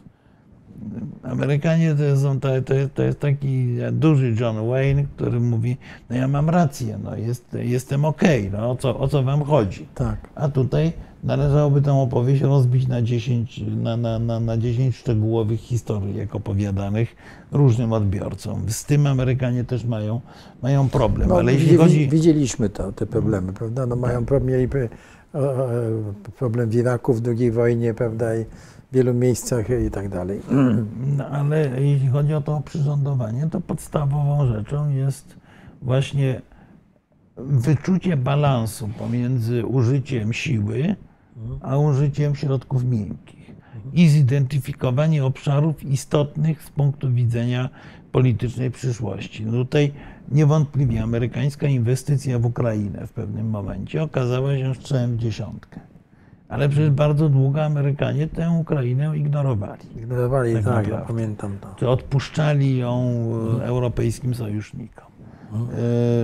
E, Okazało się, że e, wyjście z obszaru Bliskiego Wschodu też było przedwczesne. Powrót jest zawsze bardziej kosztowny niż utrzymanie tu- swojej obecności. Tutaj e, szkodnikiem był niewątpliwie w tej materii e, prezydent Trump, prawda? No i Jeśli Trump, mogę, to- ale i Obama, który i Obama, przypominam, że Obama obiecał e, w Syrii użycie Tak, siły Tak. w momencie przekroczenia pewnych czerwonych linii. Tak. Te czerwone linie zostały przekroczone, a Amerykanie siły nie użyli. No to jest niestety, to jest niestety tak, że w polityce, e, e, jeżeli się używa groźby, no to E, no to wtedy, to wtedy no niestety należy ją w jakimś stopniu przynajmniej spełnić. To, to, to jest przykre czasami, czy, czy prowadzi na, do, do, do, do, manowce, no ale trudno. Tu widzę, widzę, że tutaj tak, nam ale zanim- polityka zanim- e, słuchaj, jeszcze- wewnętrzna zaczęła tak, tu, tak, zaraz do tego dojdziemy, bo tu już nasi widzę, zaczęli się, widzowie zaczęli już e, O, dochodzić tutaj do pan pewnych Dyner granic. po, po powiedział, że ja przemilczałem pytanie, nie zauważyłem. Proszę wybaczyć, bo to Tak. szybko przebiega. To- Jak ewentualne dojście PO do władzy wpłynie na relacje polsko-ukraińskie? No, y, Czy my w ogóle wiemy coś, jaką politykę zagraniczną chce PO prowadzić? Bo, mm, no, myślę, że ponieważ jej nie ma, to, to jak on będzie prowadzić. Natomiast akurat jeśli idzie o Ukrainę, to tu mogę, to, to nie chcę przemilczeć. Uważam, że tu akurat y, y, jest y, dość oczywista sprawa, że wsparcie Ukrainy jest interesem narodowym polskim i tu I akurat, obydwie- tu akurat nie ma, obydwie- nie ma rozbieżności tak, jest- pomiędzy obecną władzą a, a Platformą, przy czym wydaje mi się, że Platforma robiła pewne rzeczy subtelniej, bo, bo ma y, bardziej doświadczone kadry i, i nie prowadzi polityki takiej no, obliczonej na taką tępą propagandę y, y, krótkoterminową, telewizyjną. Prowadzi politykę bardziej polityczną, no ale, ale jeśli idzie o stosunek do Ukrainy, nie wydaje mi się, że tu akurat była jakakolwiek różnica. ale tutaj jest ciekawa uwaga pana Nightrow. Bardziej martwię się o naszą suwerenność, jak PO dojdzie do władzy. To, e, e, Jezus Maria, to, to, ten, Ja uważam, to, ten suwerenizm jest potwornie, jest potwornie niebezpieczną kwestią. Suwerenizm, jak, rozumiany, jak rozumiemy suwerenność? Znaczy ja uważam, że teraz jest nasza suwerenność pewnie zagrożona. Znaczy ona jest w ogóle za- ona jest mocno zagrożona. tak. Nie, to jest pytanie, jak, jak rozumiemy suwerenność. Znaczy, Tak. suwerenność to jest y, y, prawo do tego, żeby y, chodzić po pokoju i sobie napaskudzić w kącie, czy suwerenność to jest zdolność do Decydowania o tym, zdolność do obr- realnego, realnej obrony, czy realnego wzmacniania interesów narodowych. Bo e, można być bardzo suwerennym w wykonywaniu różnych gestów, a jednocześnie mieć efekty dokładnie, mówiąc językiem politycznym, kontraproduktywne. Ja nie uważam, że e, gesty suwerennościowe, żeby e, przyjść na podwórko i kopnąć sąsiada w kostkę, to, to, to, to, jest dowód, to nie jest dowód suwerenności, tylko, e, tylko głupoty. No, e, suwerenność to jest budowanie siły i pozycji państwa przy pomocy środków, które się posiada te środki mogą być, jak to mówią czasami y, specjaliści od ekonomii, lewarowane poprzez sprawne działania dyplomatyczne. Natomiast nie przeskoczy się realnych możliwości i opowieść, że tutaj ktoś z panów napisał, że będzie wiadomo proniemiecka, proszę państwa, y, ta opowieść o tej proniemieckości, antyniemieckości to jest jakaś upiorna brednia. Dlaczego? Straszna- Dlatego, że po pierwsze Niemcy są potężnym, kluczowym krajem Europy. Bo Oczywiście, tacy są, proszę Państwa. Nie dlatego, że chcą nas zrobić Tak. kuku. bo, bo mają taką gospodarkę, Tak, jaką mają, mają, takie tyle elity, tak, ludności, tak ile by mają. wykształcone I na społeczeństwo i, dodatek, taki y, pałę mają. No. I na dodatek y, są słuchani szkoda, w Europie jako kraj stabilny. Bo mimo, mimo wszystko proszę zwrócić uwagę, że w Niemczech nie pojawił się przy władzy żaden Berlusconi. Niemcom nie groziła pani Le Pen y, jako prezydent i tak dalej. Niemcy są oazą tak naprawdę przewidywalności i stabilności. Nudnej, czasami bardzo niedobrej, ale z punktu widzenia polityki europejskiej ważnej. To raz. Dwa. Dlaczego y, Polska powinna być zainteresowana współpracą z Niemcami? Z dwóch powodów.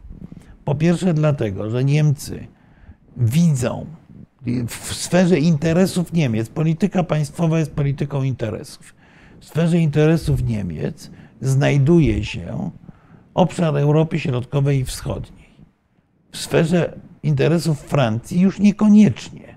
Otóż, jeżeli rolę jeżeli Niemcy by powiedziały, nas polityka europejska nie interesuje, to Unia Europejska zwróciłaby się do, w kierunku Morza Śródziemnego i prowadziła politykę y, partnerstwa, y, procesu bar- barcelońskiego, partnerstwa z krajami arabskimi, y, wspierania przeróżnych działań na obszarze Afryki i tak dalej, kompletnie ignorując to, co dzieje się na wschód od polskich granic. Niemcy możemy się z nimi nie zgadzać, ale Niemcy wiedzą, że to, co się tutaj dzieje, jest ważne. To jest też istotna sprawa. I ostatnia rzecz. Niemcy mają coś takiego, że mają jakiś taki dziwny sentyment do Rosji. Ja zawsze przypominam sobie takie e, zwiedzanie takiego e, tak zwanego ruskowo-garadka w Poczdamie. To zostało zbudowane e, w epoce fryderycjańskiej. Te e, sympatie niemiecko-rosyjskie, czy fascynacja być może wielkością, ciężarem Rosji, jest e, w Niemczech rzeczywiście długa. Ale jeżeli nie chcemy mieć powtórki z historii, to powinniśmy nawet wysoką cenę płacić za to, żeby Niemcy były choćby w dziurawym, choćby słabym, ale gorsecie europejskim. Inaczej mówiąc, nasz interes to nie jest polityka suwerenistyczna i osłabianie siły Europy, a wręcz odwrotnie, wzmacnianie Brukseli, bo Bruksela choćby trochę krępuje, krępuje e, politykę, politykę niemiecką. Y, Przynajmniej w odniesieniu do Rosji. I nie mamy się co obrażać na to, bo tutaj, a my jako Polska nie musimy im wchodzić w dek, powiada pan Tak, no, Polska, o tak. bojowym pseudonimie Tor. To nie chodzi o wchodzenie gdziekolwiek. Polityka jest i to znakomicie wie Henry Kissinger, jest możliwością wykorzystania realnej, realnego potencjału państwa. Można czasami ze względów geograficznych, Turcy mają Dardanelle e, i, i Bosfor, wobec tego mogą sobie pozwolić na więcej, bo trzymają klucze do Morza Śródziemnego, prawda? Inne kraje mają również tego typu przewagi. Polska w tej chwili jest krajem kluczowym dla wspierania Ukrainy, co nas też podnosi nasze znaczenie. Natomiast realnie rzecz biorąc, ja uważam, że politycy, zwłaszcza młodzi politycy partyjni, powinni odbywać obowiązkowe staże kilkumiesięczne w ambasadach. Bo pracując w placówce dyplomatycznej, znakomicie wiemy, jakie znaczenie ma nasze państwo. Bo obserwujemy, że jakiś minister, czy to jest Malezja, czy to jest Australia, czy to są Niemcy, czy to jest Armenia, jakiś minister przyjmuje naszego kolegę z Niemiec po jednym telefonie, a dyplomata z Polski musi czekać trzy dni, a dyplomata, który przyjechał z Gabonu, to musi się umawiać na trzy miesiące naprzód.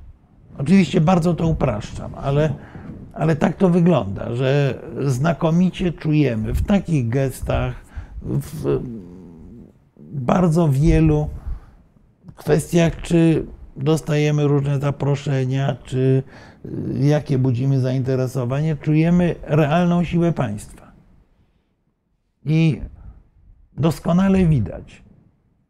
Oczywiście to jest filtrowane przez geografię, ale tam doskonale widać, ile możemy naprawdę. Nie napuszywszy się yy, i, i Tak, krzycząc, krzyczenia o tylko, tylko jak ci, tak, to, ci zewnętrzni partnerzy, jak nas słuchają, jak nas traktują. Tak, tu, ale w tym kontekście tu padło bardzo ciekawe pytanie poprzednio, bo teraz się wylały e, jakieś takie, wiesz, e, po- pomyje. O, o No, jakieś Niemców. antyniemieckie, Tak, w ogóle po, e, pomijmy to milczeniem, bo to. Ale e, tam padło ciekawe py, pytanie, e, chyba, już nie pamiętam kogo, o tym, czy podpisanie tego kontraktu z Norwegami wpłynie też na pod- podpisanie kontraktu Norwegia-Polska o dostawie gazu. I tu, Znaczy proszę no to Państwa, jest tam, tam, proste, tam no. była mo- mowa o, o dyplomacji i przecież to, że my nie mamy tego kontraktu z Norwegami, to jest nie tylko kwestia tego, że dyplomacja nie istnieje. Znaczy nie, no to jest kwestia, partactwo. to jest partactwo od góry do dołu, tak? Więc Niemcy, Znaczy, znaczy, uczmy, były- uczmy się od Niemców, że mają swoją dyplomację i swoich urzędników, którzy tego pilnują, a myśmy nie potrafili, zbudowaliśmy rurę i nie mamy w co w nią włożyć. I Tak, zdaje się, że znaczy ciągle nie mamy jeszcze. Nie, nie mamy i nie będziemy mieli raczej, albo będziemy mieli za taką cenę, że na wpięte. Tak, no więc y, E, Znaczy, e, nie mamy gwarancji gazu, mamy natomiast gwarancję tego, że ten gaz, jeżeli w ogóle się pojawi, będzie piekielnie drogi. E, A nie wiem, czy Chyba- się pojawi, bo Niemcy chyb- zdaje się zakontraktowali 100% e, Baltic Pipe'u mm, Dla siebie.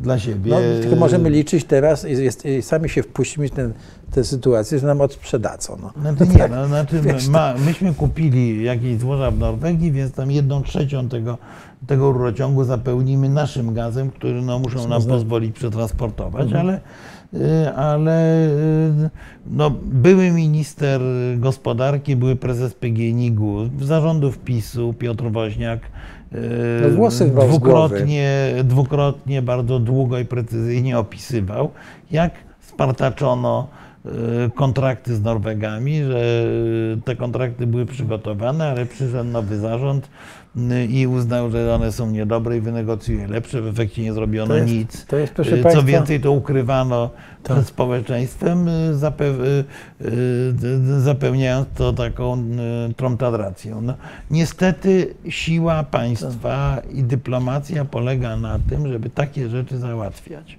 Tak. Niemcy nie mówią każdego dnia, że oni ruski gaz śmierdzi i go nie chcą, tylko siedli przy stole i wynegocjowali z Norwegami dostawy gazu.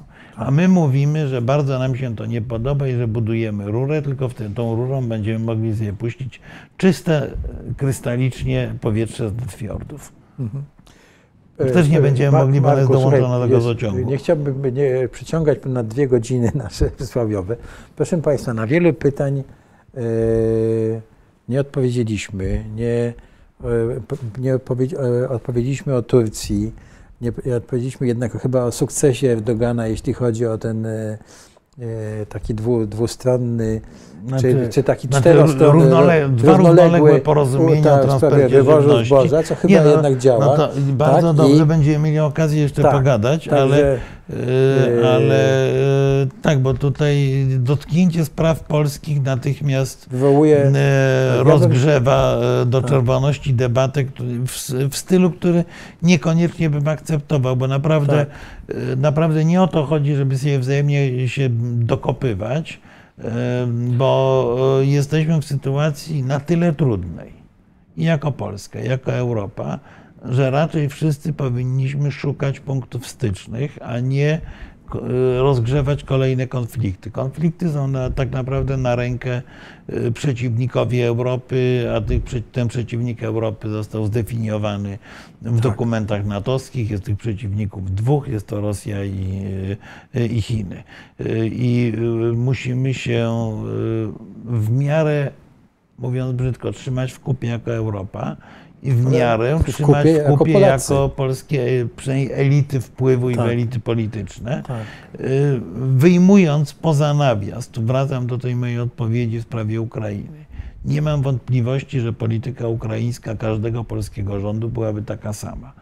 Y, Jest kwestia użycia pewnych mocniejszych, słabszych instrumentów, natomiast interes Polski jest to absolutnie oczywisty. I y, myślę, że to, czego nam w odróżnieniu od Amerykanów brakuje, to jest właśnie opisanie tego niezmiennego zestawu polskich interesów, nie do ogłoszenia w gazetach i, i powiedzenia, że tylko my go bronimy, tylko do tego, żeby ludzie, którzy są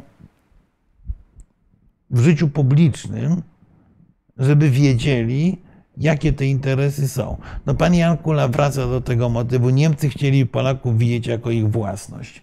Nie. Oczywiście Niemcy chcieliby w miarę możliwości, jak każde państwo o jakichś takich półmocarstwowych ambicjach, narzucać pewne rozwiązania wszystkim swoim Korzystne- sąsiadom, w tym korzystne Polską. dla nich. Korzystne dla nich. No ale Natomiast narzucajmy swoje, ale przede Natomiast wszystkim my nie- mamy, y, mamy podstawę, mamy możliwości rozmowy z nimi.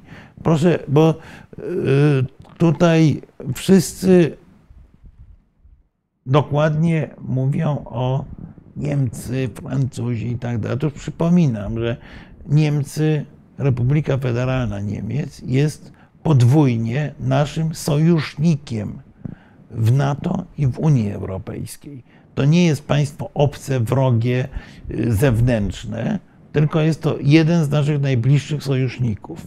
I oczywiście mamy różne sprzeczne interesy, ale rozsnuwanie legendy o tym, co to na Niemcy chcą narzucić, jest bzdurą. Są większym sąsiadem. Zgoda. Natomiast budujmy sojusze. Dlaczego nie dogadujemy się z Francuzami wtedy, kiedy Francja i Polska ma- mają wspólny interes, żeby przeforsować w Europie tezę, że energetyka atomowa jest ekologiczna? Proszę bardzo. Możemy tutaj wspólnie z Macronem naciskać na Niemców. Tylko E, trzeba mieć ludzi, trzeba mieć trzeba mieć jakieś jakiś pomysł na to, no, to, to, to o czym mówiłeś, e, no to chyba się nazywa Grand Strategy, tak? Te, To takie, znaczy- tak może, może nie tak górnolotnie, ale, Tak. ale, ale coś Tak, takiego ale- Stany Zjednoczone mają i my na przykład nie, nie, nie wiemy dokąd dążymy. Dobrze, słuchaj, bo no, chciałbym Tak, się zamknąć w tych dwóch, dwóch godzinach. Tutaj by chciałem tylko powiedzieć, te, że część tych y, No tutaj pan Maciej. Wiałkowski za, za, dla, pyta, dlaczego nie mamy tak dobrych stosunków z Francją i Holandią. No, no, no, No proszę dokładnie. pana, no dlaczego nie mamy? No przecież. A z kim mamy? A z kim mamy, tak? A dlaczego żeśmy te karakale odrzucić? Byśmy teraz mieli 50 helikopterów Nie, ale- do, i tak Ale dalej, i tak, dalej. a Tak? Ogłaszanie przyjaźni z Węgrami to jest to od początku było. Że nigdy nie było. Znaczy nie, bo, ma, bo Polska i Węgry mają w dużym stopniu rozbieżne interesy. No tak, ale dlatego mówię. no, Tylko na podstawie tego hasła już do, i do bitki, i do szklanki, które w ogóle też nie jest prawdą. Tak. No dobra, bo my wódkę, oni wino. No dobra, Tak. proszę Państwa, bardzo Państwu dziękujemy za dyskusję i y, zapraszamy. W przyszłym tygodniu, we wtorek o 18 będzie pan Piotr Łukasiewicz. Będziemy mówili o odpewności strategicznej państwa i o wywiadzie. Wywiad jako odpewność strategiczna, jego rola w odpewności strategicznej państwa. I jeszcze A we zahaczę, środę a w środę mamy rozmawiać z Natalią Bryszko o, o Zełenskim. prezydencie Zełenskim. tak, Po prostu. o bo- Zełańskim. I, I o książki- Ukrainie, ona zresztą wydała Panie książkę Krzysztofie, może, może Pan pokazać ten, ten... Jest, wisi, tak? O tak, także zapraszamy Państwa, autorka nam powie, kto to jest w takim razie ten nasz sąsiad, prezydent państwa prowadzącego wojnę No i, obronną. no i tak to jedna z głównych gwiazd światowej polityki. Tak, tak, tak, znaczy o, znikąd do, do na, na światowe salony właściwie, prawda? I jak to się, może tam się dowiemy, jak to się robi i może to będzie jakaś wskazówka No na i myślę, że będziemy mogli też porozmawiać o Rosji, co, co z tym zrobić, bo muszę powiedzieć, że rzecz, której, yy, o której chciałbym bardzo porozmawiać, to jest rzecz, którą zaproponowali Estończycy, żeby odwołać wszystkie wizy dla Rosjan, żeby zamknąć Europę dla Rosjan, bo jak powiedziała Kaja Kallas, Trzeba przyjazd ich do ukarać, Europy to wiesz, po jest prostu- przywilejem. No, No, dobrze, no, no, ale, ale... ja mówię, tych, tych Rosjan trzeba nimi Tak, potrząsnąć no, no dobrze, no, tylko, z drugiej, sposób. tylko z drugiej strony całą naszą polityką, to jest tak jak z tym murem, który stawiamy na granicy. Całą naszą polityką była polityka e, jesteśmy światem wolnych ludzi, zapraszamy do siebie wolnych ludzi. E, Wolnych ludzi zapraszamy. No tak, no ale wśród Rosjan jest No to e, trzeba dokonywać 20%, selekcji. czyli, czyli no dobra, no to tą selekcją jest przyznawanie wiz. W tej chwili te wizy przyznajemy bardzo e, selektywnie, a to jest idea, żeby nie, Odmówić. całkowicie się zamknąć. I to, to jest pytanie, czy to jest rozsądne rozwiązanie, czy nie. Może do tego za tydzień uda nam się też jakoś wrócić. Mhm. Dobrze. E, W rozmowie z panią Z Natalią. tak, ta- Natalią. A potem jeszcze będą kolejne spotkania.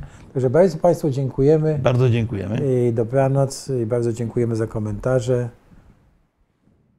I tak, no zobaczenia. odpowiedziałem na pierwsze pytanie o Kazachstan, ale to już za tydzień. Za tydzień. Dobrze. Dobrze, dobranoc.